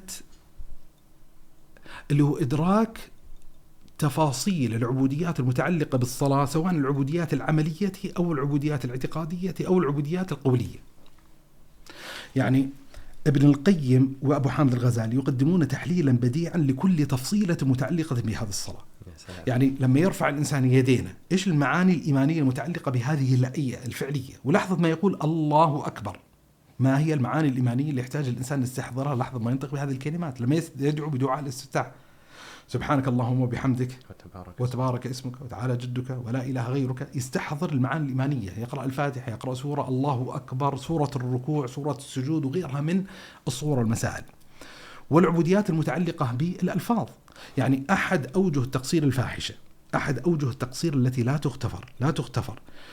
أن يتحدث الإنسان المسلم بألفاظ وكلمات وحروف ولا يدرك معنى الكلام اللي قاعد يقوله. يعني أضرب يعني أمثلة في الصلاة. المثال الأول دعاء الاستفتاح. سبحانك اللهم وبحمدك. نعم. وتعالى. وتبارك وتبارك اسمك. وتعالى جدك. ولا, ولا لحظة. وتعالى جد. جدك. كثير من المسلمين يقول لك وتعالى جدك. الجد إيش؟ الجد أبو الأب. الجد أبو الأب. صح ولا لا أبو الأب؟ طيب الله تعالى جدك كيف الله عز وجل له جد؟ أعوذ بالله ليس له جد سبحانه وتعالى لم يلد ولم يولد. وبالتالي يروح يصحح يقول إيش؟ وتعالى جدك. زين؟ لا هي جدك لأن أنت لا تعرف اللغة العربية. زين؟ أن الجد الجد هو النصيب الجد هو الحظ. زين؟ فتعالى حظ الله عز وجل. تعالى نصيب الله تبارك وتعالى من الشيء سبحانه وتعالى. مثلا لما يقول الإنسان في حال قيامه من سجوده سمع الله لمن حمده. ربنا ولك الحمد. إيش معنى سمع الله لمن حمده؟ اغلب المسلمين بيقول لك سمع الله لمن حمده إن الله عز وجل يدرك المسموعات إن الله سمع. نعم. لا هذا معنى بدهي معنى قطعي معنى لا يحتاج الإنسان أن يذكر نفسه به. لا سمع الله لمن حمده. ربنا ولك الحمد إن سمع الله بمعنى أجاب الله من حمده. ولا هو يدرك بالضرورة إن الله عز وجل يسمع من حمده. فالشاهد الفاتحة ناخذ الفاتحة. من الضروري جدا أن يدرك الإنسان ما يتعلق بتفسير هذه السورة العظيمة الجليلة. نعم. ان ما يصلح الإنسان المسلم أن يقرأ هذه الآيات القرآنية ولا يتدبر معناها. لاحظ ناخذها مستويين. أول شيء لابد أن يتعرف الإنسان على تفسير المعنى الكلام اللي قاعد يقوله ثم يتدبر. هذا المستوى الثاني. يعني بضرب مثال مما يتعلق من وحي سورة الفاتحة ومن وحي تكرار عبودية الصلاة مرارا بحيث هنالك حكمة لله تبارك وتعالى في قضية إحداث الصلوات بطريقة يعني متواترة في حياة الإنسان المسلم وتشرع هذه السورة على وجه الخصوص كعبودية من أهم عبوديات هذه الصلاة. يعني إلى درجة لاحظ الحديث اللي قلنا قبل شوي حديث أبو هريرة. قسمت الصلاة بيني وبين عبدي. ثم ذكر النبي صلى الله عليه وسلم ما يتعلق بسورة الفاتحة. نعم. فقالوا العلماء أن أحد أسماء سورة الفاتحة الصلاة سورة الصلاة لأن هي محور مرتكز كبير جدا. طيب أحد المعاني الإيمانية وزي ما ذكرت ابن القيم له كلام بديع جدا فيما يتعلق بسورة الفاتحة في مدارس السالكين له كلام بديع جدا فيما يتعلق بسورة الفاتحة في كتابه بدائع الفوائد. يرجع الإنسان لكتب التفسير. في نعم. في لا يوجد أصلا سورة من سور القرآن أكثر العلماء في تصنيف تفاسير مفردة فيها كسورة الفاتحة، من الأمنيات الحياتية الشخصية أن نوفق إلى تقديم دروس مطولة مش يعني دروس مختصرة فيما يتعلق بتأملات. متعلقة بسورة الفاتحة، لكن أحد اللفتات العجيبة المتعلقة بسورة الفاتحة المتعلقة بعملية هذا التكرار لذكر هذه السورة. اللي طبيعة الإسقاطات النفسية المتعلقة بهذه السورة بحسب حياة الإنسان المسلم وتقلباته الحياتية، يعني أضرب مثال أو مثالين. يقبل الإنسان على صلاته بطبيعة الحال يتكرر عليه هذه الصلوات في اليوم والليلة سيقرأ فيها سورة الفاتحة لما يقرأ مثلا الإنسان المسلم يقول الله عز وجل الحمد لله رب العالمين رب العالمين مالك الرحمن الرحيم مالك يوم الدين. طيب لاحظ الإقبال النفسي افترض أني في ذلك اليوم اعتديت على غيري أخذت مالا لا يصح ظلمت إنسانا فأنا أقبل على هذه الصلاة مستحضرا حالة الظلم الذي وقع فيه. فلما أقرأ قول الله عز وجل الحمد لله رب العالمين أستحضر أنه ربي ورب جميع العالمين. ثم في ثناء السورة مالك يوم الدين. لا ترى قدامي يوم الجزاء يوم الحساب يوم الدين. فشعور الإنسان المسلم بهذا المنطق تحت وطأة الظلم الذي وقع منه إيش اللي سيحصل؟ سيحمله على حالة إيمانية، سيكون إقباله على قراءة هذه الصلاة وهذه السورة مختلف جذريا عن مجرد انه يكرر هذه المسألة على لسانه من غير من غير استحضار معنى. لما يكون الإنسان مظلوم بالعكس يشعر بحالة من حالة الإحباط حالة من ثم يقرأ مالك يوم الدين فيستحضر أن هنالك رب تبارك وتعالى، هنالك يوم من أيام آه، الجزاء والحساب، هنالك يوم يختص فيه المظلوم من الظالم. فتلاحظ هذه المعاني كذلك تحصل للإنسان المسلم مثلا من الأشياء المؤكدة لهذه القضية ومكملة لها اللي هو قضية الحرص على تنويع الأذكار وتنويع العبوديات نعم. يعني أحد الأشياء اللي ممكن تحمل الإنسان على لون من ألوان تدبر الكلام اللي يقوله اللي هو محاولة الخروج عن ربقة التقليد إن عندي أنا طقس معين عندي تقليد معين عندي ألفاظ قاعد تجي على لساني. ما أدري إلى درجة لو سئلت بعدها قلتها ولا ما قلتها فيشعر إن نوع من أنواع الذكر غير الواعي. والمشكلة في الذكر غير الواعي إنه ليس ذكرا مطلوبا شرعا. إن الله عز وجل لا يقبل دعاء من قلب ساه لاهن. يعني إحنا يعني يعني لو أراد الإنسان اختصار موضوع الخشوع في الصلاة إن ليسعى الإنسان قدر وسعه وطاقته أن يحقق مقام الوعي بصلاته، إن كيف تستطيع أن تستجلب وتستجمع نفسك في هذه الصلاة بحيث تكون واعيا بتفاصيل المشهد اللي أنت موجود فيه. الاستحضار القلبي. الاستحضار فكيف يحقق الإنسان استحضار؟ أحد أدوات الاستحضار اللي هو تنويع الأذكار. يعني بدل ما يلتزم الإنسان دائم في ركوعه سبحان ربي العظيم سبحان ربي العظيم سبحان ربي العظيم يقول سبوح قدوس رب الملائكه والروح. سبحان ذي الجبروت والملكوت والكبرياء والعظمة. هذا التنويع هذا التنويع ترى يحمل الإنسان أو يساعده على الأقل على الترحل من معنى إلى معنى آخر. يجعله أكثر قدرة على على على على على إدراك يعني تفاصيل العبوديه المتعلقة بهذه الصلاة يا سلام مثلا من الأشياء كذلك الخادمه المفيده جدا وهي جزء من التوطئة والتهيئة النفسية الاستحضار الموت. ولذا أصلا يعني من المقامات التي يذكر فيها أحيانا وهي واردة عن النبي صلى الله عليه وسلم قضية صلي صلاة مودع. ورد عن النبي صلى الله عليه وسلم كذلك في حديث عجيب وحديث سبحان الله أن الإنسان ينبغي عليه أن يستحضر الموت في صلاته. لأن إذا استحضر الموت في صلاته إيش اللي سيحصل؟ يحمله على تحسين يحمله على تحسين ما يتعلق بهذه الصلاة. يعني يعني لو لو عرف الإنسان لاحظ لو عرف الإنسان قطعا وجزما ويقينا إن هنالك ملك اسمه ملك الموت على الباب ينتظر فراغ وقت هذه الصلاة من أجل أن يقبض روحه. فأنت تعرف قطعا ويقينا إن حالة في حالة من حالات الإقبال على الله عز وجل في حالة من حالات ال- استشعار المعاني الإيمانية حالة من حالات التواصل مع الرب تبارك وتعالى لا تتحقق له ما لم يستحضر هذه الحالة. نعم. إيه فالنبي صلى الله عليه وسلم كأنه يرشدك إرشاد معين يقول لك ترى ينبغي عليك أن تحرص على هذه القضية قدر وسعك وطاقتك. هنالك آم، يعني في معالجة قدمها أبو حامد الغزالي وهي معالجة نفيسة ومعالجة جميلة جدا. وأنصح بمراجعتها لأن سأسيء إليها بنقلها على جهة الاختصار لكن هذا اللي أستطيع يعني تأديته الآن. هنالك خماسية أو سدا- سداسية خلينا نقول سداسية معينة زين؟ يتدرج الإنسان من خلالها لتحقيق عبودية الخشوع في الصلاة زين؟ يعني هنالك خطوات معينة. ميزة هذا يعني ميزة ما قدمه أبو حامد الغزالي في تقييم وتقديره هو نوع من أنواع ال- التراتبية نوع من أنواع التربية على مستوى إيماني معين ثم انتقال عبر بوابات هذا المستوى إلى المستوى اللي بعده. إذا تحقق خلاص قدرت تتماسك هذا انتقل اللي بعده. فهو برنامج عملي إلى حد ما في تحقيق العبودية الخشوع. يقول أبو حامد أو يقسمها ثم يفصل الكلام في كل قسم. أول خطوة حتى يستطيع الإنسان أن يحظ أن أن يحقق الخشوع في نفسه حضور القلب. جميل. بعد حضور القلب مقام سماه التفهيم. بعد التفهيم التفهيم. بعد التفهيم التعظيم. بعد التعظيم الهيبة. بعد الهيبة الرجاء. بعد الرجاء الحياء الله. إيش اللي يبي يتكلم؟ باختصار يقول لك أول مقام اللي حضور القلب. ما ذكرنا إحنا التوطئة النفسية وكذا على الأقل لما تصلي حاول أن تستحضر قلبك إنك موجود في الصلاة إنك موجود في الصلاة. طيب إذا بدا الإنسان يرتب نفسه وفعلا استطاع أن يحقق الإنسان هذا ينتقل الخطوة اللي بعدها اللي هو التفهيم. إيش التفهيم؟ إن افهم ماذا تقول في صلاتك افهم الأفعال اللي قاعد تسويها في الصلاة.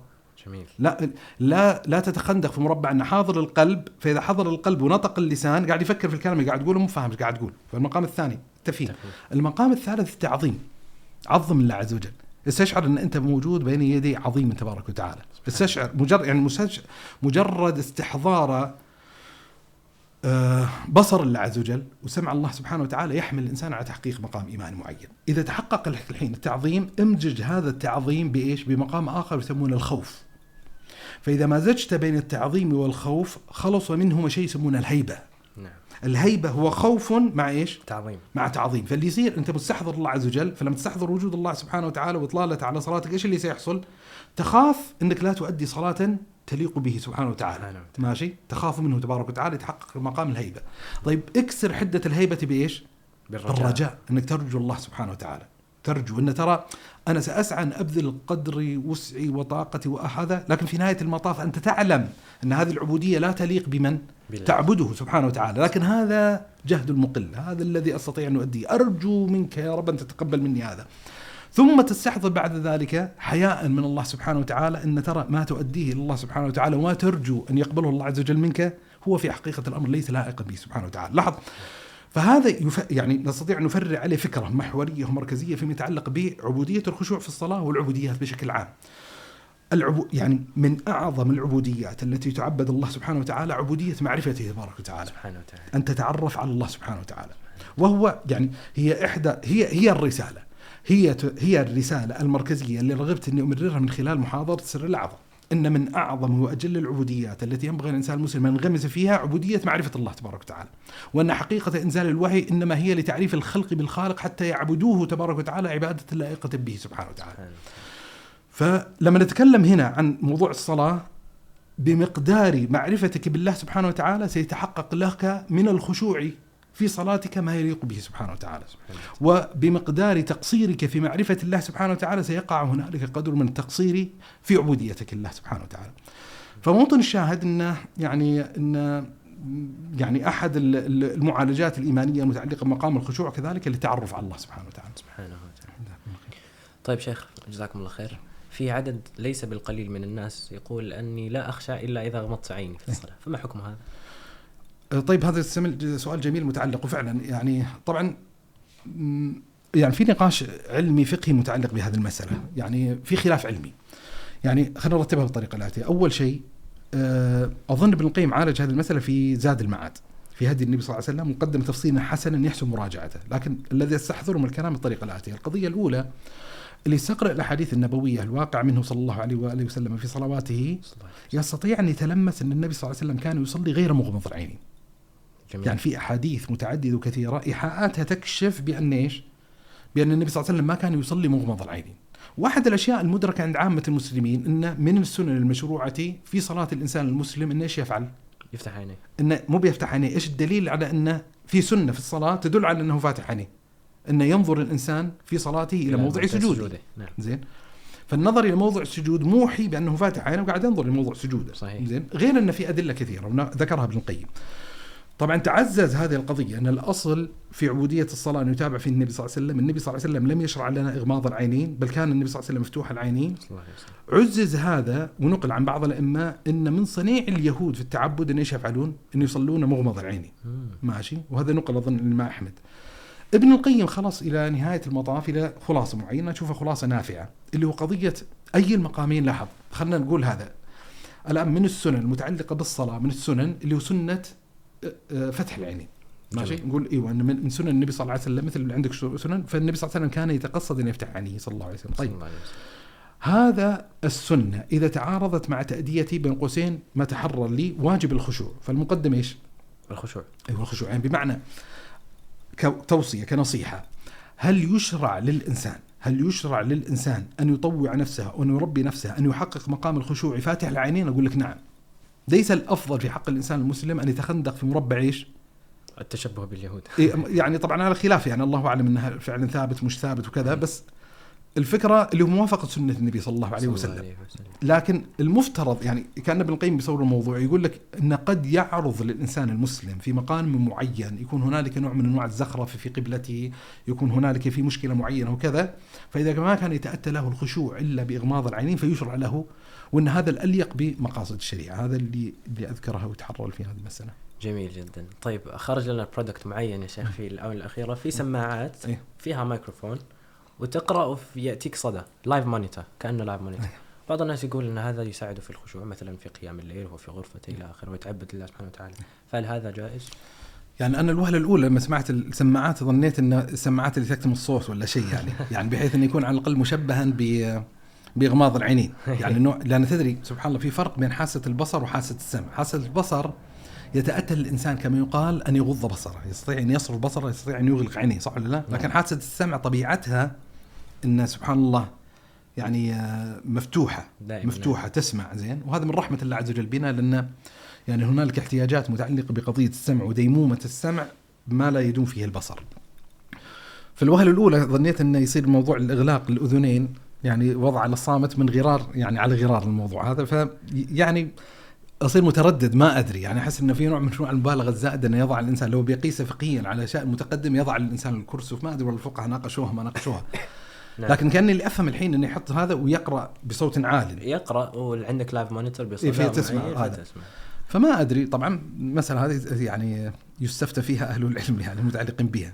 لكن يعني بادي الرأي يعني تعتبر غريب. يعني قصدي إذا كان الفقهاء لاحظ إذا كان الفقهاء عندهم قدر من التحفظ العلمي فيما يتعلق بغماض العينين وعرفت في نوع من نوع التوسعة اللي جرت على يد ابن القيم يصير متصور الإنسان إن مثل هذا انه قد يكون مستشكلا عند عدد من الفقهاء لكن الله أعلم. يعني يسأل فيه من يستطيع تحقيق هذا الباب من أهل العلم. جزاكم الله خير شيخ. طيب في أي شيء تريدون الختام به؟ والله يعني سبحان الله يعني خلينا اختم بهذه ويعني نغلق الموضوع. ال- مما يؤكد أهمية الخشوع ويساعد على تحقيق مقام الخشوع اللي هو النظر في سير وتراجم أهل العلم والعباد والزهاد من أمة محمد صلى الله عليه وسلم. الله يعني إذا قرأ الإنسان يعني مثلا من القراءات الحسنة في المجال التاريخي، إذا قرأ الإنسان في سير علم النبلاء، إذا قرأ الإنسان في وفيات الأعيان، إذا قرأ الإنسان في تاريخ الإسلام للذهبي في البداية والنهاية في غيرها من الكتب من المعاني الجميلة الحسنة أن يستحضر الإنسان مواقف أئمة الإسلام فيما يتعلق بصلواتهم. وهي قضية لافته للنظر. يعني مثلا ما اخفيك أنا مثلا يدركون مثلا كثير من الجمهور المحبين وكذا أن لي تعلق علمي ومعرفي بشيخ الإسلام ابن تيمية وابن القيم. نعم فأحد القضايا اللافته للنظر فيما يتعلق بصلاة الإمامين الإمام ابن تيمية والإمام ابن القيم أنه وصفت بدقة وصفت يعني بطريقة عجيبة وصفت بطريقة تعبر عن حالة الخشوع حالة التلذذ اللي كان تقع لهم رحمة الله تبارك وتعالى عليهم. يعني آه آه الإمام ابن تيمية رحمة الله عليه أظن البزار تلميذه في العالم العليه يقول فكان إذا كبر تكبيرة إيش اللي حصل؟ فكان إذا تكبر كبيرا انخلعت القلوب هيبة من تكبيرته يعني تخيل واحد يكبر فأنت تشوف المشهد قلبك ينخلع من الهيبة من الهيبة. ثم يتكلم عن حالة الخوف حالة القلق اللي قاعد تعصف ابن تيمية في أثناء صلاته. ابن القيم رحمة الله عليه من الأشياء العجيبة في ابن القيم وهي من القضايا اللي تؤكد على نظرية ال- نظرية ال- المساواة أو تحقيق مقام العلم والعمل. يعني أحد المفاهيم المركزية عند السلف اللي هو اقتضاء العلم للعمل نعم. اللي قضية إذا علم الإنسان علما فينبغي أن يعمل بمقتضى ذلك العلم. هذه قضية واضحة. ابن القيم من الباحث الغريبة جدا الموجودة في كتابه. ونكرر في كتابه الصلاة على جهة التفصيل وفي زاد المعاد أشار لها إشارة. في كتاب الصلاة والزاد كان يشير إشارة كان يقيم جدل بين الفقهاء في قضية حديث النبي صلى الله عليه وسلم من أما الناس فليخفف. ما المقصود من أما الناس فليخفف؟ إيش مقدار التخفيف؟ لأنها قضية الحين نسبية إضافية نسبية إضافية. يعني في بعض الدول على سبيل المثال يصير مما يدخل ويندرج في إطار التخفيف إن الإنسان يكبر يقرأ الفاتحة ثم يقرأ آية واحدة من القرآن الكريم هذا تخفيف. إيه. داخل في منطوق هل هذا مشروع وداخل في قول النبي صلى الله عليه وسلم من أما الناس فليخفف ولا هنالك درجة معينة رعاها الشارع. ففي تفاصيل علمية بس أنا بس أذكر رأي ابن القيم مو بالضرورة موافق بس أطرح رؤيته. فكان ابن القيم يتحدث على حالة فقهية معينة فيسميه صلاتهم صلاة النقارين. قال النقارون قال النقارون اللي هم يختصرون الصلاة. ونفس ابن القيم في معالجة الموضوع أنه المشروع يعني حتى يدرك الإنسان التخفيف المشروع هو التخفيف الذي كان موافقا لهدي النبي صلى الله عليه وسلم. فلما يصلي النبي صلى الله عليه وسلم في صلاة المغرب بسورة الأعراف هذا هو من التخفيف. هذا الحين فلسفة ابن القيم قاعد يؤصل ويدلل ونقاش طويل وممتع في كتابه الصلاة. حلو؟ هذا التقرير النظري اللي هو لإطالة الصلاة تتردد أسداءه عند ابن كثير في البداية والنهاية ويتكلم عن ابن القيم.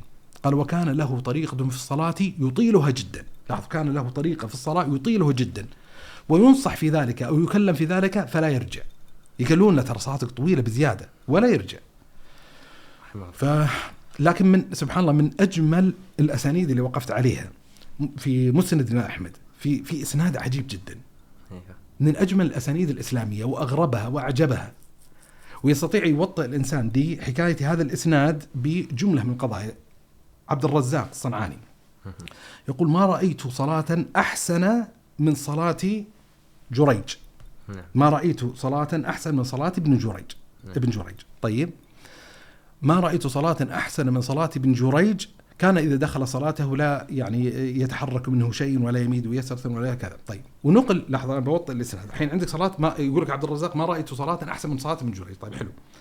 سفيان بن عيينة يقول لابن جريج ما رأيت أحدا يصلي صلاة أحسن منك؟ قال كيف لو رأيت عطاء. لو شفت صلاة عطاء ابن أبي رباح عرفت تلك هي الصلاة. طبعا منقول في ترجمة ابن جريج أنه لزم عطاء أكثر من 12 آه، 18 سنة. ماشي؟ وأنه تلقى عن العلم ومدري إيش وكذا كذا. ماشي؟ لاحظ الحين؟ فلاحظ الحين ابن جريج صلاته جميلة جدا. بعدين ابن جريج يقول لك ترى ما شفت صلاة شيخي. أحد السمات العلمية اللي كانت موجودة عند السلف وهي غائبة إلى حد لا بأس به في حياتنا العلميه المعاشه اليوم اللي هو مجرد الاكتفاء بالأخذ المعلوماتي عن الشيخ وعدم الاكتفاء وعدم الأخذ السلوكي عن الشيخ. وين الإسناد الجميل؟ في مسند الإمام أحمد شو يقول؟ يروي أحمد عن عبد الرزاق. يقول رأيت أهل مكة يقولون أخذ ابن جريج الصلاة عن عطاء وأخذ عطاء الصلاة عن ابن الزبير عبد الله بن الزبير وأخذ عبد الله بن الزبير صلاته عن أبي بكر وأبو بكر أخذها عن النبي صلى الله عليه وآله وسلم. فلاحظ الإسناد يعني لاحظ الإسناد العلمي والسلوكي والتزكوي الله. أن المسألة اللي تؤكد ثنايا الموضوع. يعني إن ينبغي على الإنسان المسلم لما يتلقى صلاته عن عالم من العلماء أن يكون هنالك نوع من أنواع التسلسل العلمي التزكوي. لاحظ الأثر يعني جمالية الأثر. ولاحظ يعني هذا المظنون المتوقع أن لو قدمت بحديث المسند إن أخذ ابن جريج الصلاة عن عطاء وعطاء أخذ عبد الله بن الزبير وعبد الله بن الزبير أخذ عن أبو بكر أبو بكر أخذ عن النبي صلى الله عليه وسلم. لو. وصلت إلى النتيجه إن هذه الصلاة ستكون من أحسن الصلوات. هذه النتيجة لا يعني لا تترك كما يقال لخيالك لا خذها ترى عبد الرزاق لما شاف هذا قال ما رأيت أحسن صلاة من ابن جريج. وبعدين سفيان يلاحظها في صلاة ابن جريج فيقول له ابن جريج كيف لو رأيت صلاة عطاء؟ فنسأل الله سبحانه وتعالى أن يردنا إليه ردا جميلا وأن يبتعث الإيمان في قلوبنا وأن يجعلنا ممن يحب الصلاة. آمين. ممن يحب الصلاة وأن تجعل قرة عيني في الصلاة وأن يحقق الله تبارك وتعالى عبودية الصلاة على النحو الذي يرضيه تبارك وتعالى عنا. آمين. جزاك الله خير شيخنا الحبيب بارك فيكم الله. ونراكم في حوار شيق آخر. الله يكرمك. السلام عليكم خير الله وبركاته.